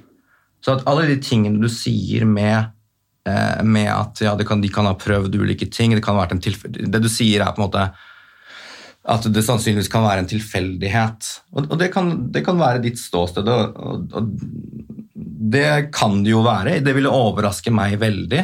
Eh, men, men det, kan, det, kan, det jo være, liksom.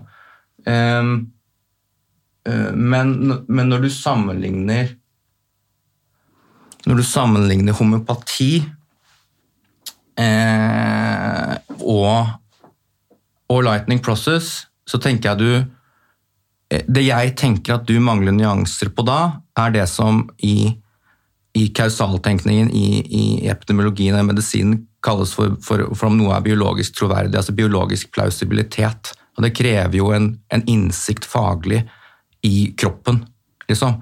Sånn at eh, den, Men igjen den, er jo det upresist. Den, den tanken om at den tanken om at, at homøopati skal fungere på kroppen, den har ingen fysiologisk modellmessig backing. Det er, det, det er ikke forenlig med Helt enig i det. Men det er forskjell, Men det er uspesifikke ja, behandlingseffekter knytta til homøopati. Det er forskjell på det og Lightning Process. Ja, men du, og, du, du, ser helt vekk nei, for de uspesifikke behandlingseffektene. Som, som jeg, ja, vi kan godt diskutere de spesifikke. Ja, Vi må jo diskutere det, for det kan ja, jo også forklare Lightning Process. Men det er det for Lightning Process. Da kan man argumentere for at det er for Lightning Process. Så at f.eks. en fagperson som Vegard Brun Müller, som, som, da er fysiolog, han, han ser på, uh, på vil, vil, se på, sånn som jeg forstår han, uh, på ME, som, eller kronisk syndrom, som et fenomen. biologisk, og så ser han på lightning process, og så sier han på en måte at ja, det er ikke utenkelig at det kan virke. På samme måte som man ville sagt at jo, homeopati er det utenkelig kan virke. Og så kan man diskutere så det, det der, der mangler helt fra diskusjonene dine, den biologiske forståelsen av Nei, av kroppen. nå tuller det du gjør det, det det, jeg er jo 100 enig med deg i det For det. kan du ikke så veldig mye om. Jo, jeg kan. Nei. Hør nå her. eh, og så kan Jeg er helt, nei, men nå, nå kjører du bare en sånn autoritær greie der du prøver Å, ja. å overkjøre meg. For det, jeg sier jo, jeg er helt enig, det er ikke noe biologisk troverdig mekanisme i homopati, og jeg tror det kan være det i Lightning Process. Ja, Helt det er enig. Ja. Men det jeg sier, er at disse anekdotene tar ikke høyde for at dette like godt kan være uspesifikke behandlingseffekter. Ja, så da hva kan vi er diskutere spesifikke og uspesifikke behandlingseffekter. Så, okay.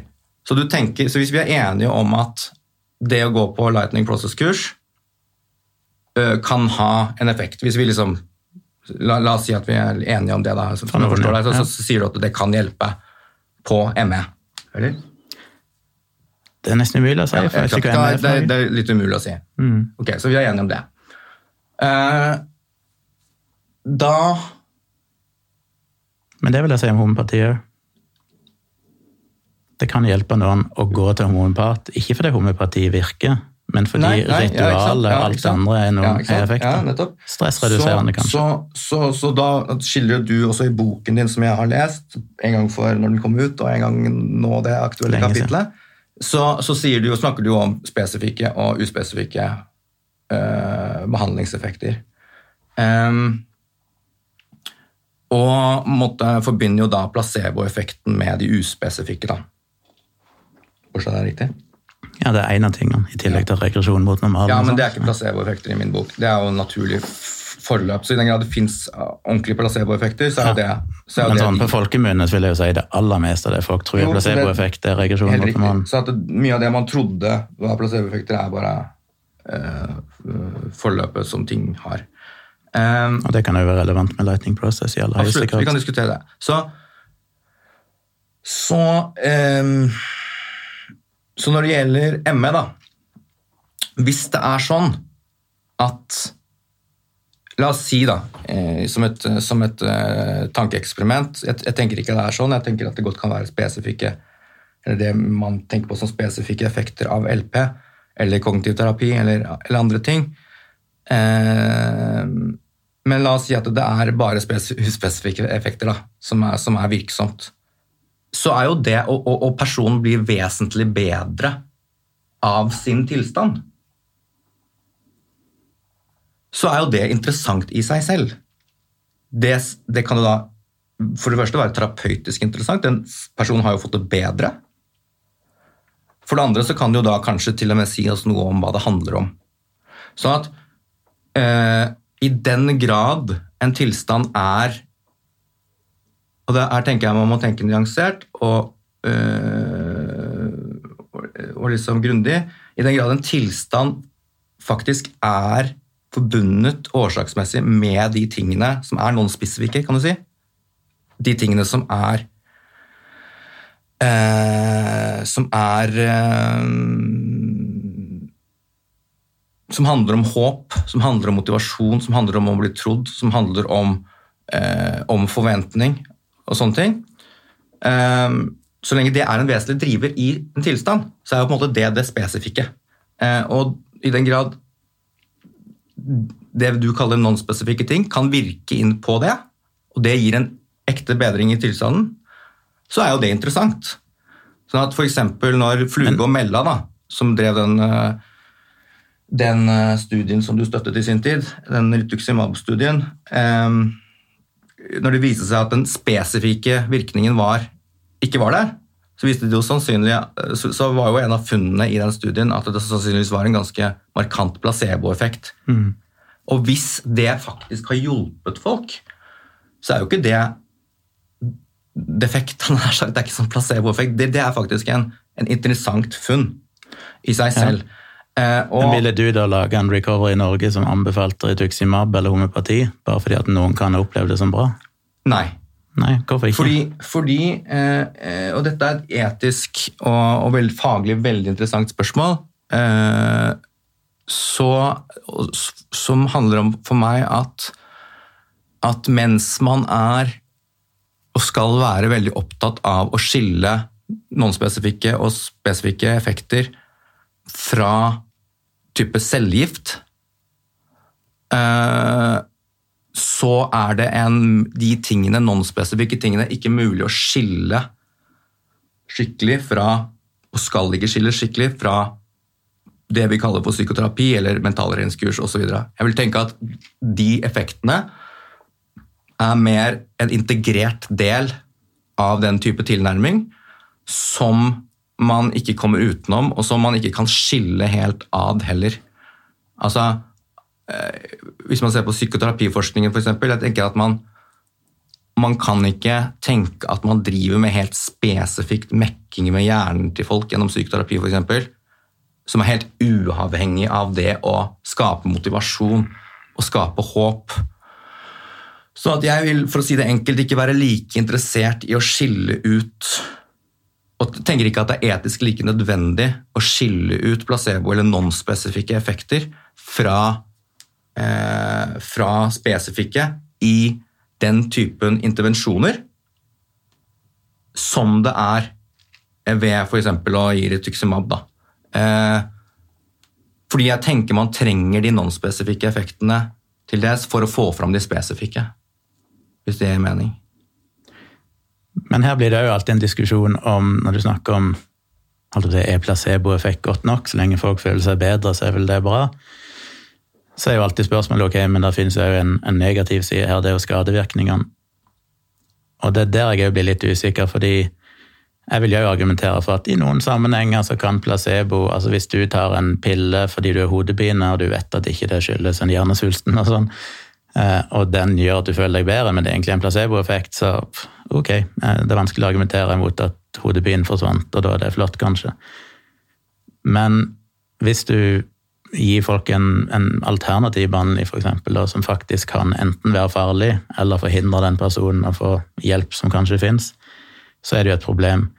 Og det er da jeg blir litt usikker med Lightning Process, fordi at vi, vi vet, sånn Statistisk sett, hvis dere har litt under 50 historier der, og det kanskje er behandla mer enn 5000, så utgjør det 1 hvis 10 av de 5000 fikk en negativ effekt Du kan ikke tenke at et hobbyprosjekt på siden av annen jobb skal avdekke alle. Nei, men da, da, er det jo alternativet å ikke ha den sida, fordi du vet at det vil være ufullstendige data ja, ja, ja, som kan du, gi et feil bilde. Det virker som at du tenker at det hadde vært best at, de aldri, at man aldri hørte om de historiene, men, men det er jeg uenig i, da. Men, men, er du ikke bekymra for at du ikke forteller de negative historiene, hvis de overgår de positive? Det vet vi jo ikke. Det er ikke noe data på det. Altså, jeg er ikke bekymret for at de negative historiene ikke kommer frem. Eh, det er jo noe av utgangspunktet her. Eh, hvis du får ME i dag, eh, den diagnosen, så det som skjer med deg, er at du går på internett. Så kommer du inn i Facebook-forum, i sosiale medier inn i ME-foreningens kretsløp, og du blir bombardert med negative historier og advarsler om dette. Sånn at, eh, Og det forteller jo de som har vært der også, mødre til barn, hvordan de ble marinert i frykt eh, for skadevirkninger osv. Og, og så kan du si jo, eh, altså Negative virkninger, negative bivirkninger av alt skal man ta veldig alvorlig. Um, og, og, du har helt rett i at eh, i seleksjonsaspektet, altså det du sier med at, eh, med at vi vet jo ikke hvor mange som har, har, eller ikke har effekt av det, i den grad noen har det i det hele tatt. ikke sant? Så at du, denne typen kunnskap, som jeg har sagt at primært er erfaringsbasert kunnskap, kan jo ikke si noe statistisk på dette på befolkningsplan. Så det, det, er andre typer kunnskapsteoretisk er det andre typer ting det kan eventuelt si noe om. Det kan si noe om at det er mulig, f.eks. Sånn at man kan ikke si at du har en 15% sjanse for å bli frisk hvis du gjør dette, men man kan si at det er mulig. Det finnes mennesker. Som er en forskjell fra å si at det ikke er mulig. Veldig stor forskjell i praksis for folk. Um, men jeg Når det gjelder bivirkninger, så kan du heller ikke hm? Men jeg, jeg skjønner ikke poenget med det, for det kunne du sagt om så forferdelig mange ting. Jeg mener det har vært florert av historier. altså Du snakker om aktivisme, men ta Live Landmark, hennes aktivisme. Hun har jo vært veldig, veldig pågående. Hun har fått ekstremt mye presse. Hun har jo, har jo fulgt henne i mange år og sett hvordan hun jobber veldig hardt med aktivisme, hun òg, for å promotere Lightning Process, som jo hun, hvis vi snakker om interessekonflikter, selvfølgelig er en direkte økonomisk interesse i, eller iallfall har hatt det før. Ja. Men, hun er jo nådd veldig langt inn med journalister. Ja, men Hva er poenget ditt nå? Mener du at det, at det er for mye positiv omtale allerede? Det er to ting. Det ene er at du snakker om aktivisme, men du kan ikke underslå at det skjer ganske mye drøy aktivisme på den positive LP-sida. Jeg vil ikke si at det er drøy aktivisme i forhold til type den hetsen og sånt, og å få fram de positive historiene. Vel, jeg har ikke lyst til å ta Hva, det på luft. hva er det som er parallellen? Nei, jeg har ikke lyst til å ta det på luftet, for det blir litt for utleverende, men det er drøye ting. Vi kan ta det seinere. Men poenget er det Ja. Du er ikke noen konkrete eksempler på den andre sida. Jeg syns ikke vi skal trekke oss Ja, fram Du det. fortalte om dødstrusler. Altså, det, det er det er jo ikke parallelt i det hele tatt. Altså, Live Landmark, sånn som jeg kjenner Men er er jo selvfølgelig en person med interessekonflikter, både menneskelig og, og, og økonomisk. Men hun er også en person som, som bryr seg om de menneskene, og som bryr seg om denne saken. Hun har hatt dette problemet selv. Eh, så liksom å avfeie henne som en, bare, som en person som, som driver en sånn økonomisk motivert eh, aktivisme, det, det, det er ikke presist. Eh, Men, men, altså, poenget med det skulle- det skulle det ikke høre- Det skulle liksom ikke handle om, om og Landmark. Nei, det skal ikke det. Men poenget er at i, i media så har hun fått en veldig synlig rolle. Jeg mener, jeg, når jeg begynte å lære om Lightning Process, eller hørte om det for første gang, så var det jo kun gjennom historier der folk hadde leie i seng i tre år, og så fikk de besøk av Liv Landmark, og tre dager senere var de friske. Altså Det er jo florert av de positive historiene, som er en direkte markedsføring basically av hennes kommersielle virksomhet, som er er alternativ ikke- behandling. Det er, eh, det er ikke ikke helt akkurat florert av historier. Eh, Men de har kommet fram, eh, og noen av dem, og noen av dem har vært hos Live Landmark, noen har ikke det. Thomas Ovevik, for eksempel, som lå på sykehjem, han har ikke vært hos Live Landmark. Det er jo det er noen som har det, og noen som ikke har det. Um, Men dere, men, ser du ikke men, på det? Sam, men, men eh, eh, Men hvorfor er det ikke problematisk for deg å trekke fram en håndfull historier som utgjør en så liten andel, der vi ikke vet om de hadde ME, vi vet ikke om de ble friske av Lightning Process, vi- men budskapet er vet at de hadde ME. Eh, De sier de hadde det etter- ufint å, å, å drive og, å, trekke det i et fil. Altså. Nei, men er Mennesker jeg- som har ligget årevis på sykehjem. jo, sånn. Men flere Jo, noen er sikkert det. Ja, det er er faktisk ganske respektløst.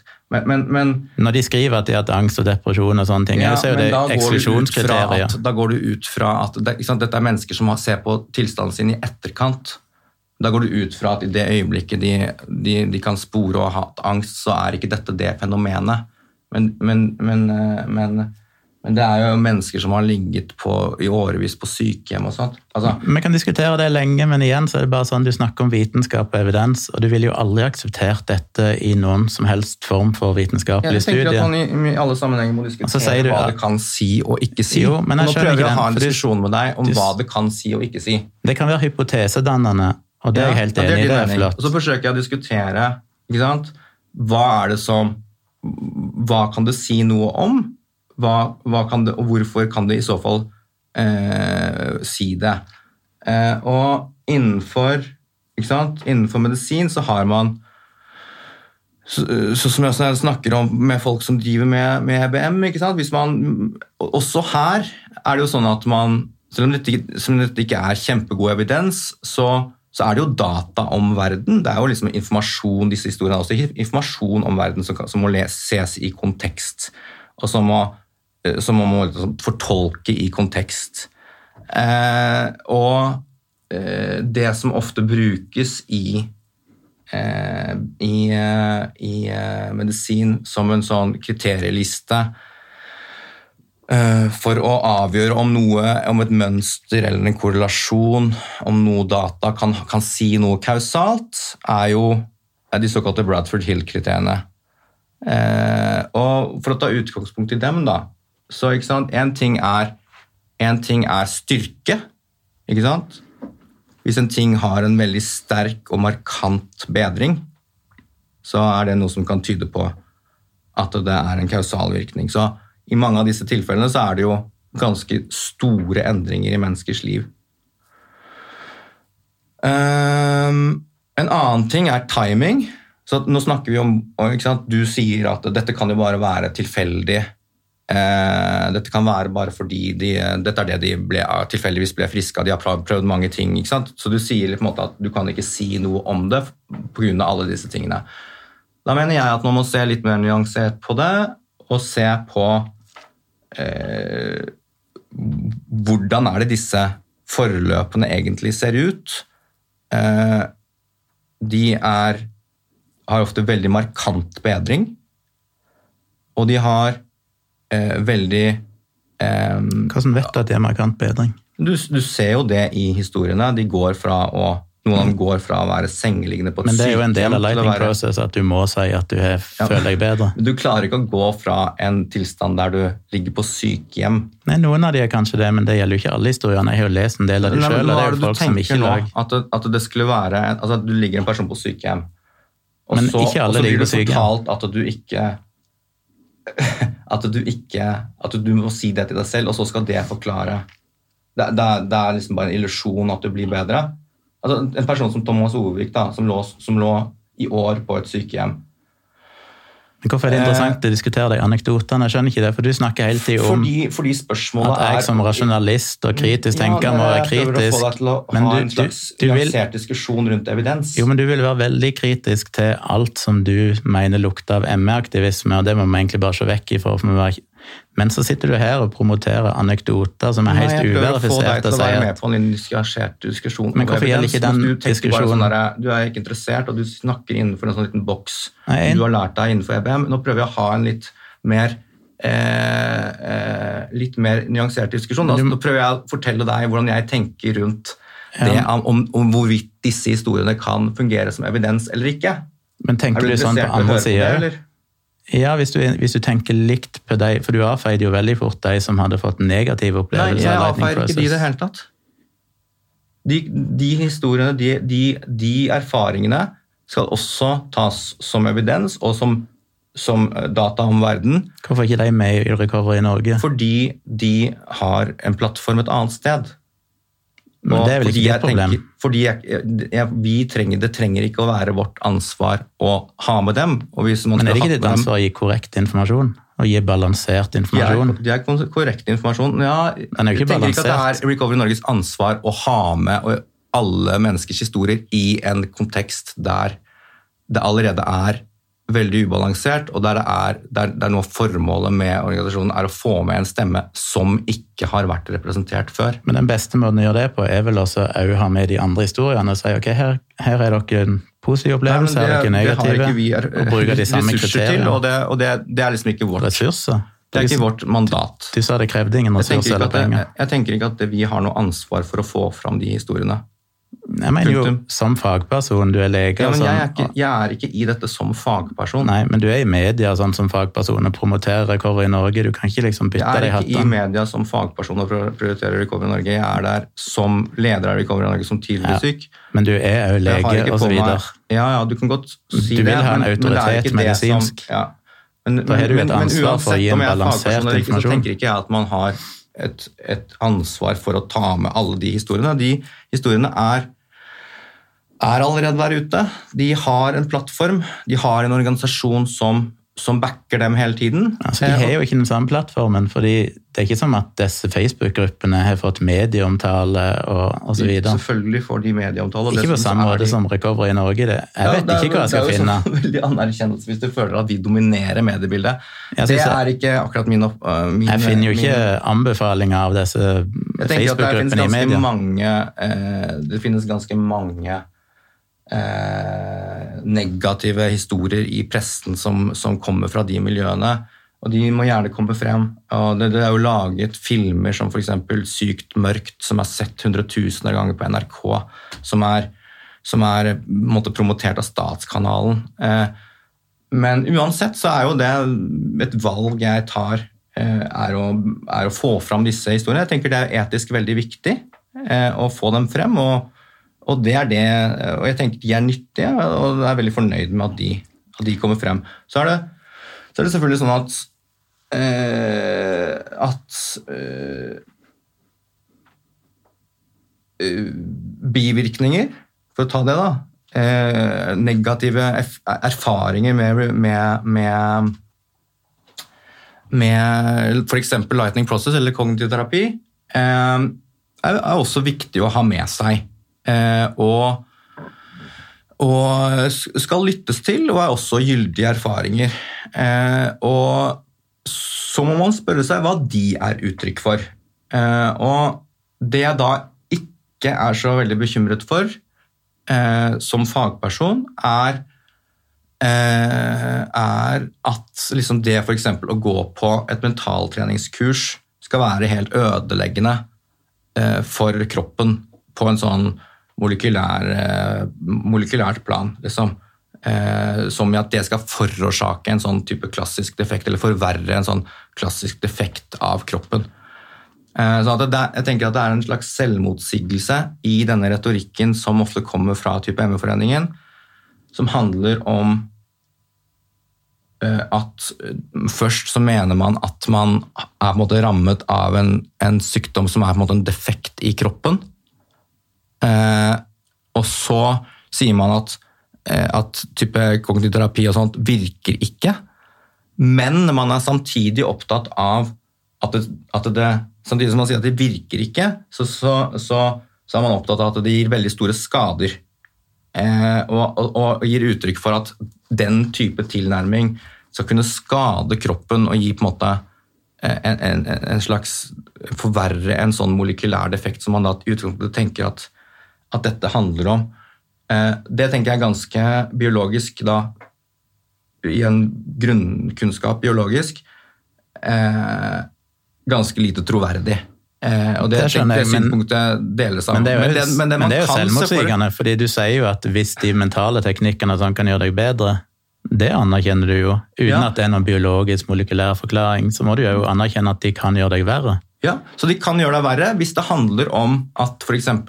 Det er troverdig at hvis, hvis, hvis som vi også Recover Norge har skrevet i leserinnlegg og sånt, at, at hvis, hvis det handler f.eks. om håp, da, for å ta et eksempel, og det å gå på et sånt Lightning Process-kurs eller gå til kognitiv terapi og ikke få noe ut av det, men ha hatt store forhåpninger til det eh, så, eh, så, kan det hende at det erfaringen med å, eh, å, å, ikke få noe ut av det, gir mer mangel på håp. Altså mer stress, mer, eh, mer eh, mer, eh, mer, av det samme, og derfor kan forklare det.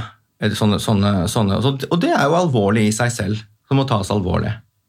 Eh, så det, ja, det, det ikke... tenker vi at Recovery Norge som organisasjon tenker jo da at det, det, er en av grunnene til at det bør forskes på det. For å dokumentere det, og for å eventuelt finne ut eh, hvem som kan ha nytte av det, og hvem som ikke kan ha nytte av det, og hvorfor.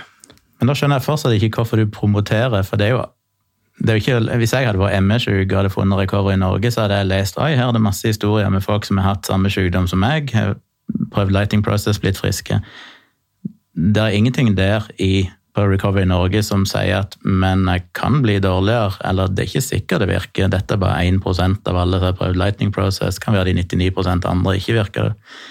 Altså, hva, informasjon gir det til meg som er nyttig på noe det vis? Det, det, det, er jo historier som er ment at folk skal kunne lære av. Som sagt, jeg tenker det finnes masse eh, informasjon om, eh, om liksom de som er blitt dårligere, overalt på internett.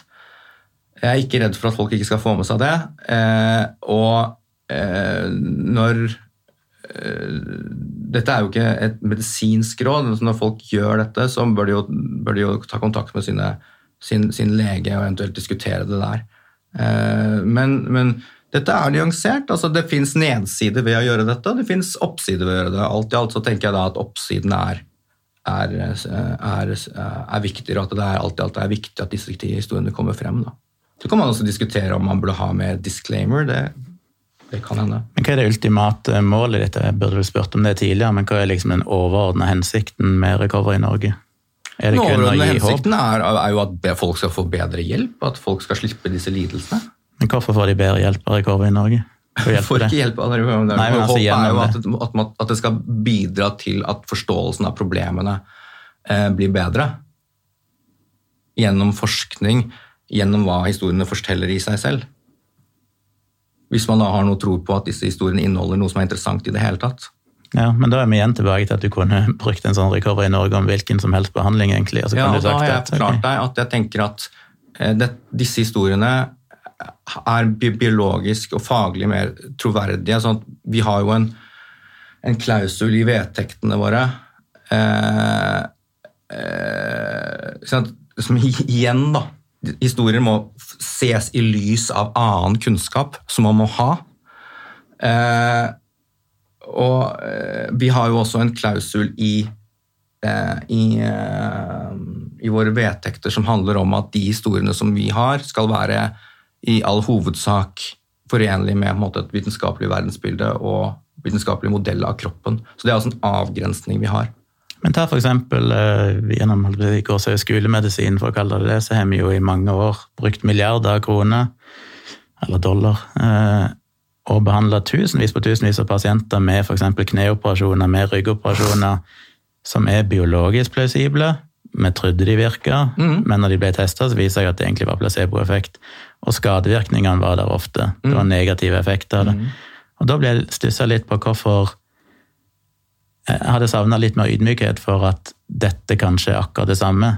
For det er ikke godt nok at det er en plausibel mekanisme, vi må ha god evidens, og det mangler jo. Så vi ønsker da, for det første så ønsker vi mer forskning, så vi har jo forsøkt å bidra til det. Men da. går det ikke litt i feil rekkefølge? Da Bør du ikke først ha den gode forskningen, og så etterpå eventuelt er for, lansere for god recovery i forskning, da Norge? har vel du dine for, fordommer om hva du tenker er god forskning? Da. Nei, det er ikke det jeg snakker om. Jeg bare sier at blant annet Rituximab-studien, men Nei, det er ikke det jeg snakker om i det Nei, hele tatt. Jeg sier at Du sier du vil ha god forskning, men burde ikke da vente på den forskningen Nei, uansett fordi hva det jeg er tenker at disse historiene er gode, gode og viktige for å få fram bevisstheten om at disse personene finnes. Jeg vil at de skal synes. Men bør det skje offentlig? ikke det en faglig debatt som burde skje internt, Nei, eventuelt i jeg tenker at det er, er viktig at, at kommer fram i alle kanaler, både offentlig og i pressen og i folkebevisstheten, at det finnes håp. Jeg tenker det er viktig. Men igjen, da er du tilbake igjen til igjen jeg, tenker, jeg håp. synes det er veldig rar den tanken om at dette burde være skjult. Dette Det burde ikke bare holdes hemmelig, liksom. Det er ikke en rar tanke, fordi det er Du virker ubalansert som at du er interessert i disse historiene om folk som blir dårligere. Sier du det samme om de? Selvfølgelig vil jeg ha den de historien. de vil bare De vil du også ha skjult inntil du har fått forskning, eller? Jeg mener at enten så bør ingen promotere noen av dem, for det vi vet ikke. Ah, ja. Men hvis du først velger å løfte fram ei gruppe i mangel av evidens, i mangel av at det er statistisk representativt eller noen ting, så må du i det minste være balansert og si at man anerkjenner at det er Ja, en, men jeg- en men- andel men som de jeg har dårlige sagt er. da flere ganger, er at det, det, det ligger en balanse. Da. Du kan si at de er ikke perfekt, men det, det, i en ideell verden så ville det jo vært sånn at ME-foreningen hadde tatt med disse som en del av sin virksomhet, og vært interessert og åpen for dem, og hatt det i en og samme plattform, ikke sant? Men, men så er i denne virkeligheten vi lever i nå, så er det ikke ideelt. Da er det sånn at de, de er eh, ikke representert i de organisasjonene som fins, og da er, handler dette om å få de stemmene også frem. da. Kritikken Hvis du syns jo det er urimelig, så er vi uenige, da. ja, Jeg syns det er urimelig, fordi at jeg ville reagert på samme måte uansett hva det var Syns du det er urimelig at ME-foreningen ikke har de med også? Veldig urimelig. Ja. Så kritikken går akkurat like mye den veien. altså En ME-forening må ta med alle. ikke har, altså, I ideell verden så skulle jeg gjerne lagd en Hvis jeg hadde uendelig med krefter, så skulle jeg gjerne lagd en, en organisasjon som hadde med de som hadde med alle. Men, men for det første så har vi ikke ressurser til det. For det andre, så, for, å, for å få en sånn, sånn ting til å fungere, så må det være håndterlig med de veldig få ressursene vi har, rent arbeidsmessig. Og, og rent praktisk så, så har jeg også en erfaring som, som jeg gjorde meg før Recovery Norge ble, ble lansert. For det er jo en idé jeg har hatt helt siden 2012 eller 2011. eller noe sånt. Det tok lang tid før jeg måte, fikk, fikk gjort det. Fikk satt i gang og fikk tatt initiativ til det. Men det var jo en en, eh, en, eh, en Facebook-side som en som heter Nina Andresen, som også har blitt frisk, forsøkte å sette opp i sånn type, type 2014-15. Um, der, der var, ideen var å samle alle historier fra alle som har blitt friske, av ulike ting for å lære av ulike. Og, og, og den siden den kollapset bare i konflikt. Uh, sånn at hvis du skulle hatt med de som, uh, som er uh, Som mener de er blitt veldig dårlige av LP eller av kognitiv terapi og sånt i Recovery Norge, så ville den organisasjonen praktisk sett kollapset med en gang i konflikt. For det, Hvis du kjenner feltet, så er, det, så er, det, preget av veldig mye konflikt, og det ville ikke vært mulig å håndtere. Så sånn praktisk hensyn også som gjør at det, det lar seg ikke gjøre, da. Dessverre. Men du sier du ikke ressurser til å ha med de negative historiene på nettsida, men sånn som på Facebook-sida så blir det vel sletta mye negative kommentarer? Dette er også en organisasjon som er drevet altså Recovery, det er viktig å skjønne at Recovery Norge er ikke meg. Recovery Norge er en organisasjon med et styre og medlemmer og generalforsamlinger og sånt. Eller årsmøter. Sånn at hva som er målet for Recovery Norge, har, jo vært diskutert innad og i styret, ikke sant? som er demokratisk valgt og sånt. Så hva, så hva Og de, de, som har vært friske Eh, nei, de som har vært syke og blitt friske, eh, når de ser tilbake på det, så mener de De forstår jo umiddelbart at denne organisasjonen er viktig, eh, og de, de ønsker at den skal ha et, et, ganske sterkt fokus på å gi håp. Og de ønsker at den skal At at det fokuset skal være ganske, ganske klart og litt entydig. Så det er på en måte også en et, et, eh, et, ønske fra de som har vært syke. De, de, de, mener at det trengs. De mener at det trengs en, en stemme som formidler et håp til de som er syke, ganske tydelig. For å nærme oss en Ikke masse sånn der om og men med at å se på den og den har blitt For det, I de menneskenes liv, sånn som de har erfart det, så er det mer enn nok av det. Altså, de opplever, har jo opplevd veldig mange av dem å bli sjuke og, og, og, bli forhindret fra å bli bedre av en sånn massiv svartmaling som, som de er omgitt med ellers.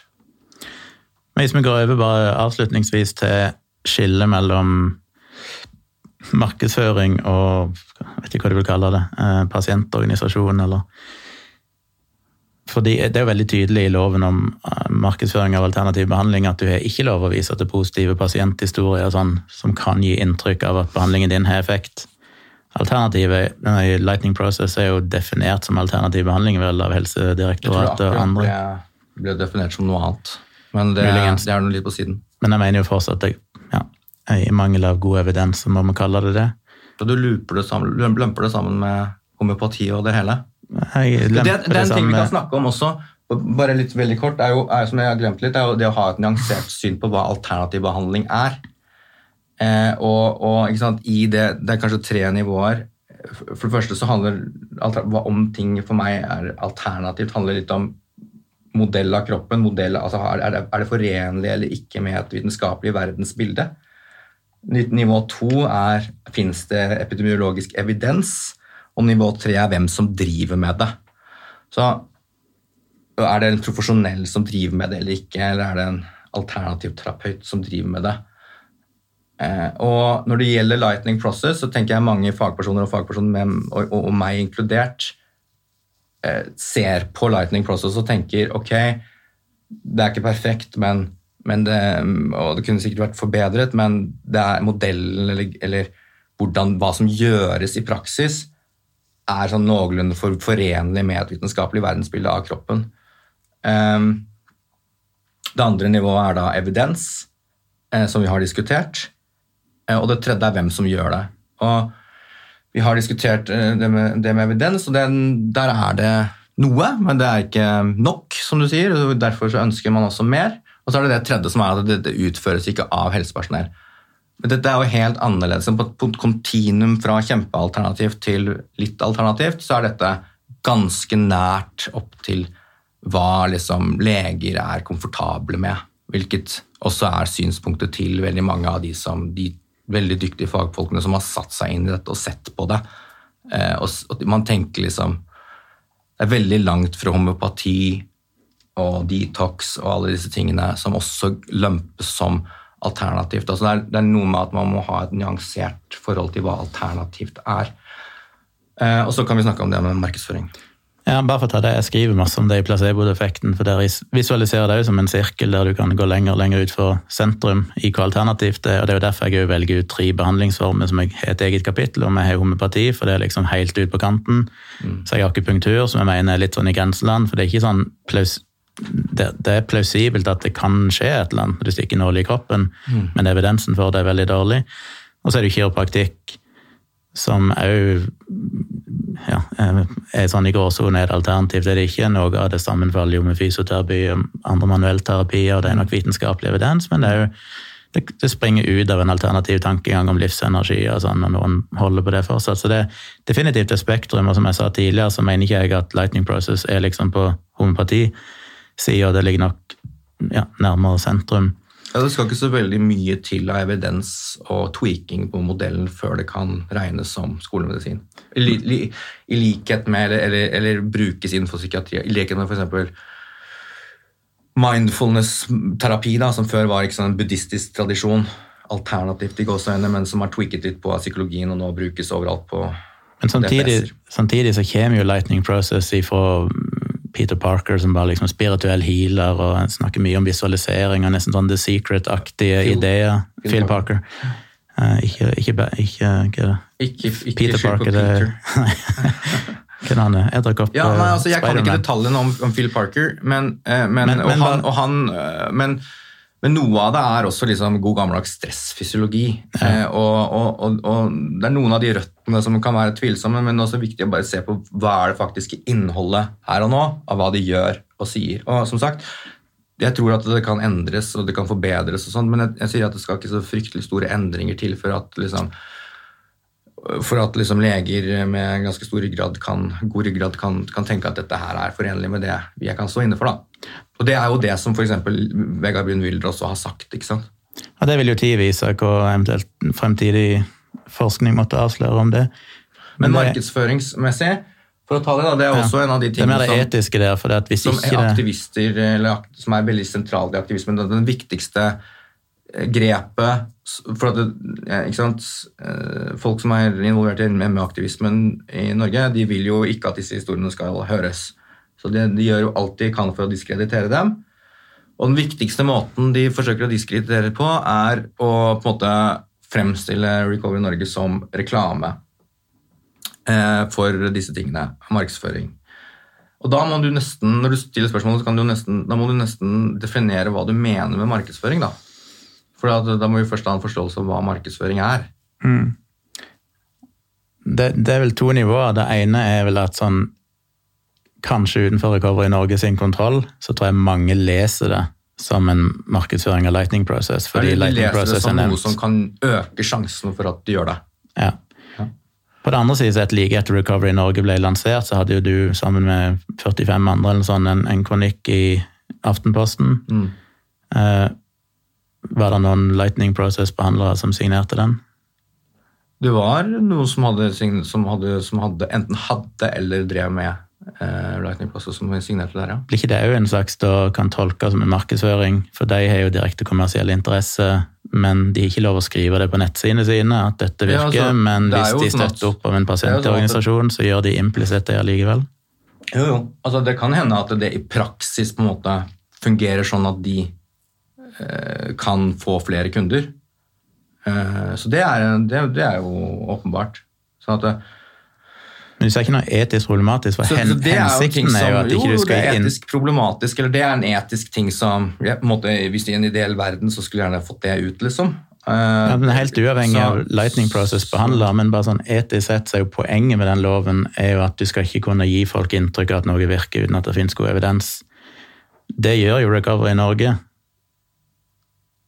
Så, men siden ikke det er direkte markedsføring av en er, spesifikk alternativ behandling, så er det lovlig. Det er, men... det er opplysningsarbeid, da. Eh, sånn at det er jo mange ting her i verden som som omtaler noe positivt uten at det er markedsføring. Eh, ja. Eksempel eh, avisartikler som eh, omtaler en plate eller en Absolutt. behandlingsform positivt, med eller uten evidens, med eller uten god musikk. Eh, uten at det er markedsføring, på en måte. Altså, jeg Eh, og og, og eh, jeg har ingen som initiativtaker og leder har ingen interessekonflikter av eh, disse tingene. Men se vekk Altså, fra markedsføringsaspektet. Økonomisk. Men se vekk ifra det, jeg snakker mer bare sånn Ja. om det etiske, liksom hensikten med at vi har den loven om alternativ behandling, burde ikke den òg legges til grunn for konsekvensene av recovery i Norge? Poenget er jo at vi ønsker ikke gi folk alt, inntrykk. jeg tenker ikke alltid alt at man skal la være å, å, å publisere de historiene og få de frem fordi det kan fordi, eh, fordi folk kan oppfatte at at det kan virke, og at, de kan, eh, at det kan øke sjansen for at de oppsøker en sånn behandler der. Men hvorfor ikke? For det er For noen år siden så hadde jo TV 2 en, en reportasje om folk som brukte LDS Fordi, for å fordi behandle jeg tenker MS og sånn. oppsidene ved å, å, å, å, å publisere dem er større enn nedsidene. Og rettferdiggjør det. Men hvordan vet du det? Du vet jo ikke det, det er jo det som er Nei. Vi har jo diskutert en hel podkast nå da, om hvordan jeg tenker rundt det. Så altså, det er det jeg har å si, liksom. Eh, Jeg tenker jeg tenker at det er noe formell evidens. Jeg tenker at historiene også er en form for evidens. Så at det, det, eh, bekymrer meg ikke så mye sånn sett. Så har vi snakket om det med bivirkninger. Jeg tenker at det skal tas alvorlig, men jeg er ikke, jeg er liksom alvor, jeg er ikke bekymret for at folk ødelegger kroppen sin ved å gå på, på et mentaltreningskurs, for å si det sånn, på et faglig ståsted. Men det er jo mange anekdoter om det òg. Ja, det er mange anekdoter, og de er ikke biologisk troverdige. For ikke sant? Igjen, man trenger en biologisk forståelse av kroppen for å fortolke eh, måte, data i denne sammenhengen. Men det henger jo ikke sammen, for hvis du mener du kan gå fra Jo, sengeliggende Nei, hvis du kan gå fra sengeliggende til å bli frisk, så skjønner jeg ikke hva som kan si at jo, det er biologisk plausibelt, det, men det motsatte er ikke biologisk Jo, du kan plausibelt. da, du kan gå fra Det er biologisk plausibelt at du kan gå fra å være litt syk til å være vesentlig verre hvis, eh, hvis de tingene som mentaltreningskurset handler om, eller, eller bivirkninger av det, f.eks. at du blir, opplever mer stress av å ha vært der på et eller annet vis, eh, eller, og, og mer håpløshet, og at de to tingene eh, spiller inn i lidelsen. Hvis du da får mer av de to tingene, som jeg sa, så, og blir verre, går fra å være litt syk til å bli eh, mer sengelignende, liksom, så er jo det biologisk troverdig. Det jeg prøver å si er at det er ikke biologisk troverdig at du går på et mentaltreningskurs, og så går milten din i stykker, liksom. Jo, hvis det mentaltreningskurset innebærer at du en, delvis skal fornekte symptomene dine, fortelle deg sjøl at du er frisk, presse deg sjøl, alt dette her som folk forteller om. Ikke milten, men Nei, sier at det kan er- jo selvfølgelig nei, gjøre, at du da det tar på deg Det er ikke biologisk troverdig at, du skal, at, at det skal gå i stykker ting liksom, Ikke gå i eh, stykker. Mekanismer eller, eller metabolske Kroppen er ganske robust. Ja, men du sier jo at du kan ikke- gå fra å være alvorlig syk til å bli frisk på tre dager gjennom mentale teknikker, Ja. men da skjønner jeg ikke hvordan du kan si at ikke det motsatte kan Jeg sier at det er erfaringen til de menneskene. Jeg tenker at, eh, at det er troverdig at de kan bli det relativt fort også, hvis de prosessene med symptomfokus, med forventning, med forståelse av problemet osv. er sentrale, så er det jo biologisk plausibelt at de kan få en, en ganske markant bedring ganske fort. Ja, Ja, Og hvis de allerede er der, hvis de har blitt bedre i livet sitt, som mange forteller, men så prøver de lightning process, og så havner de i grøfta igjen, så mener du ikke at lightning process kan trigge de samme tankemønstrene Jo, på negativ jo som jeg side? sier en, en gang til, da.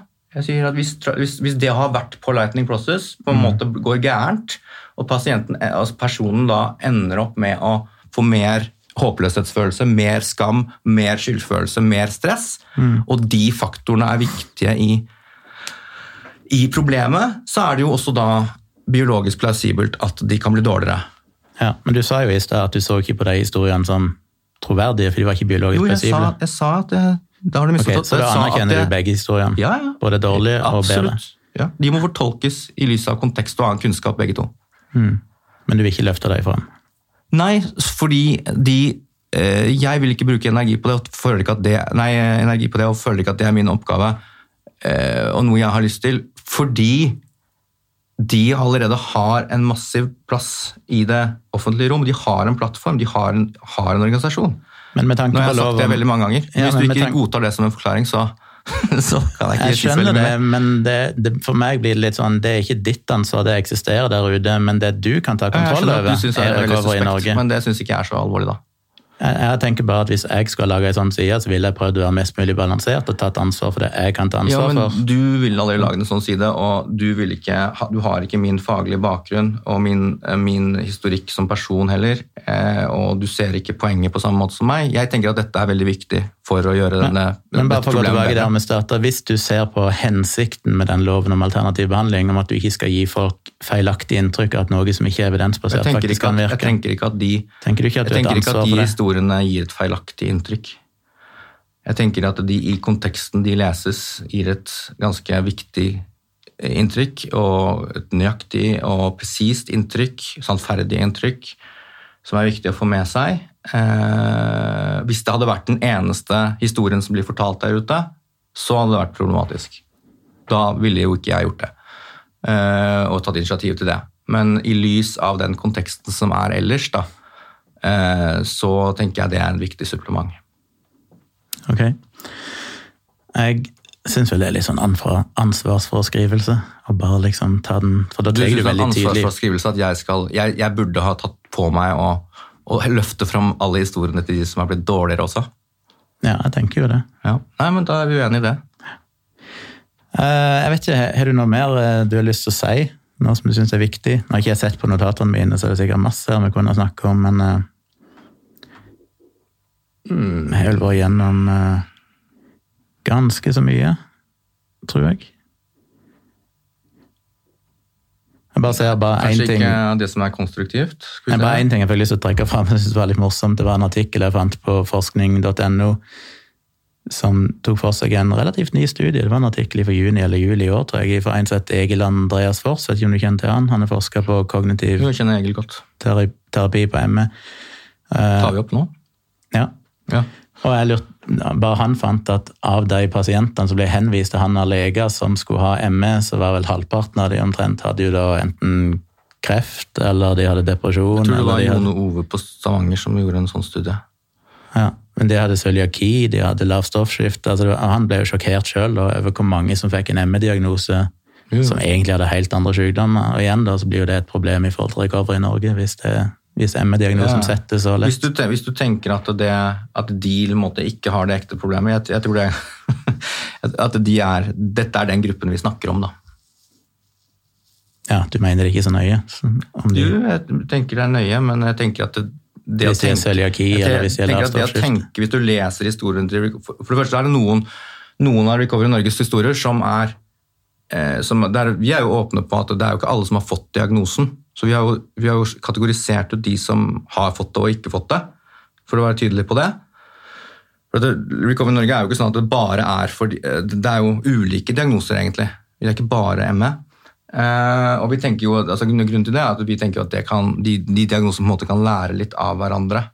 Eh, eh, så det er, eh, det er for så vidt nøye, det. Men og, og hvis man leser gjennom de historiene og forholder seg til de menneskene og tenker at det, dette er ikke måte Dette er ikke den. Dette er ikke og, i all hovedsak overall representativ for den gruppen vi snakker om. Når vi snakker om ME, så tenker jeg det er veldig søkt. Og det, det, det vil, tenker jeg, fagpersoner som driver på dette feltet også være enige med meg. Jeg tenker ikke, jeg lurer på hvordan du vet det. at det liksom, hvordan, hvordan du, ser, du har lest igjen disse historiene. Tenker du liksom da at nei, dette er ikke Nei, det er ikke det jeg sier. Jeg er sier bare at hvis han har gjennomført en studio dette, dette, er gjennom- ikke det som, dette, er ikke, dette er ikke den gruppen vi snakker om, liksom? Nei, det er ikke det jeg sier. Det jeg Nei. sier er at eh, Hvis han Foss har gjennomført en studie nå der han sier at rundt halvparten av de hadde fått en ME-diagnose av legen, men han fant når de da undersøkte nærmere at det var f.eks. cøliaki, så tenker jeg at det bør jo være et faresignal òg når du har disse uverifiserte historiene. Det, det er jo ikke, det er ikke cøliaki de har hatt, liksom. Dette er ikke Mm, Det vet du jo ikke. Det er jo ikke det de rapporterer, de har jo ikke funnet ut det i etterkant heller. Så de, de historiene er det de er. Eh, og Hvis du leser dem og ikke finner dem troverdige, så ok, da, da er det ditt ståsted, liksom. Det, jeg tenker det gjør det. Jeg tror mange andre ser på dem som nyttig kunnskap. og jeg tror Man skal være rimelig tverr og uinteressert for å tenke at dette ikke er, måte, har noen verdi. Men har dere avvist mange historier? Uh, ja, en god del. På hvilket grunnlag? Fordi de ikke passer innenfor de seleksjonskriteriene vi har. Men er det avvist noen fordi de ikke virker plausible? Eller er det bare at ikke de passer inn? Altså, eh, dette er jo folk som igjen, dette er folks erfaringer. Så det, det er deres erfaring med hva som har skjedd. Um, og uh, Jeg husker ikke helt, men altså Men, men, uh, men uh, vi, som jeg sa, da, vi, vi har jo avviser ting som der den dominerende forklaringen det personen har, er på en måte faller utenfor det vi har som kriterium, altså nemlig at du har følt at du er bedre gjennom noe som innbefatter endringer i tankeprosesser og handleprosesser og sånn, og at det, eller at det, det som er lagt fram som, som for, det personen forklarer, i, i betydelig grad liksom at det, altså det dominerende er at uh, noe som ikke er forenlig med et vitenskapelig uh, bilde av kroppen, på en måte, så har vi avvist det. Uh, så, så, så, så det, det gjør vi jo hele tiden. Ja. Men det, er jo grenser for hvor mange henvendelser vi får òg, da. Liksom. Ja, så jeg regner jo med det hadde vært ressurser til dette med de negative òg. Det, det koster vel ikke så mye å copy-paste den artikkelen. det er et uh, latterlig krav at vi skal liksom ha, det skal være opp til oss å få fram alle de historiene i den konteksten. Ja, men anyway, da tror jeg vi var gjennom det. Igjen, eh, har du noe Når du Nei, føler du ikke får sagt? mer, altså. Jeg er ganske sliten sliten i hodet. Jeg utmatta deg. Eh, Men takk i hvert fall for at du var med. Jeg lærte mer, jeg ble klokere. Er interessant å høre hvordan du tenker. Og Takk. Takk selv. de som hører på, kommer sikkert til å ha Tøff debatt, ikke ta det personlig. Hva sier du? Tøff debatt, og ikke ta det personlig hvis jeg, hvis jeg, hvis jeg går litt løs på deg. Men, men jeg tenker at det, det, det, er, det er veldig fint at du, tok imot meg, i hvert fall. Tok imot den, den invitasjonen. Ja, og jeg vil gjerne siden jeg holdt på å kritisert av Recover i Norge, så skulle det bare mangle at du fikk muligheten til å, å komme med et tilsvar her. Eh, dere som hører på, hvis dere har noen tanker om dette, hvis dere har mm, noe jeg burde følge opp, noe, jeg burde, noe som er feil Jeg har sikkert sagt mye som er feil, jeg vet ikke. Send det inn til tompratpodkast. Så kan jeg jo prøve å sjekke med det senere, eventuelt høre med Henrik hvis han har lyst til å gi noe tilsvar hvis det skulle komme et eller annet som jeg kan ta med i en fremtidig episode.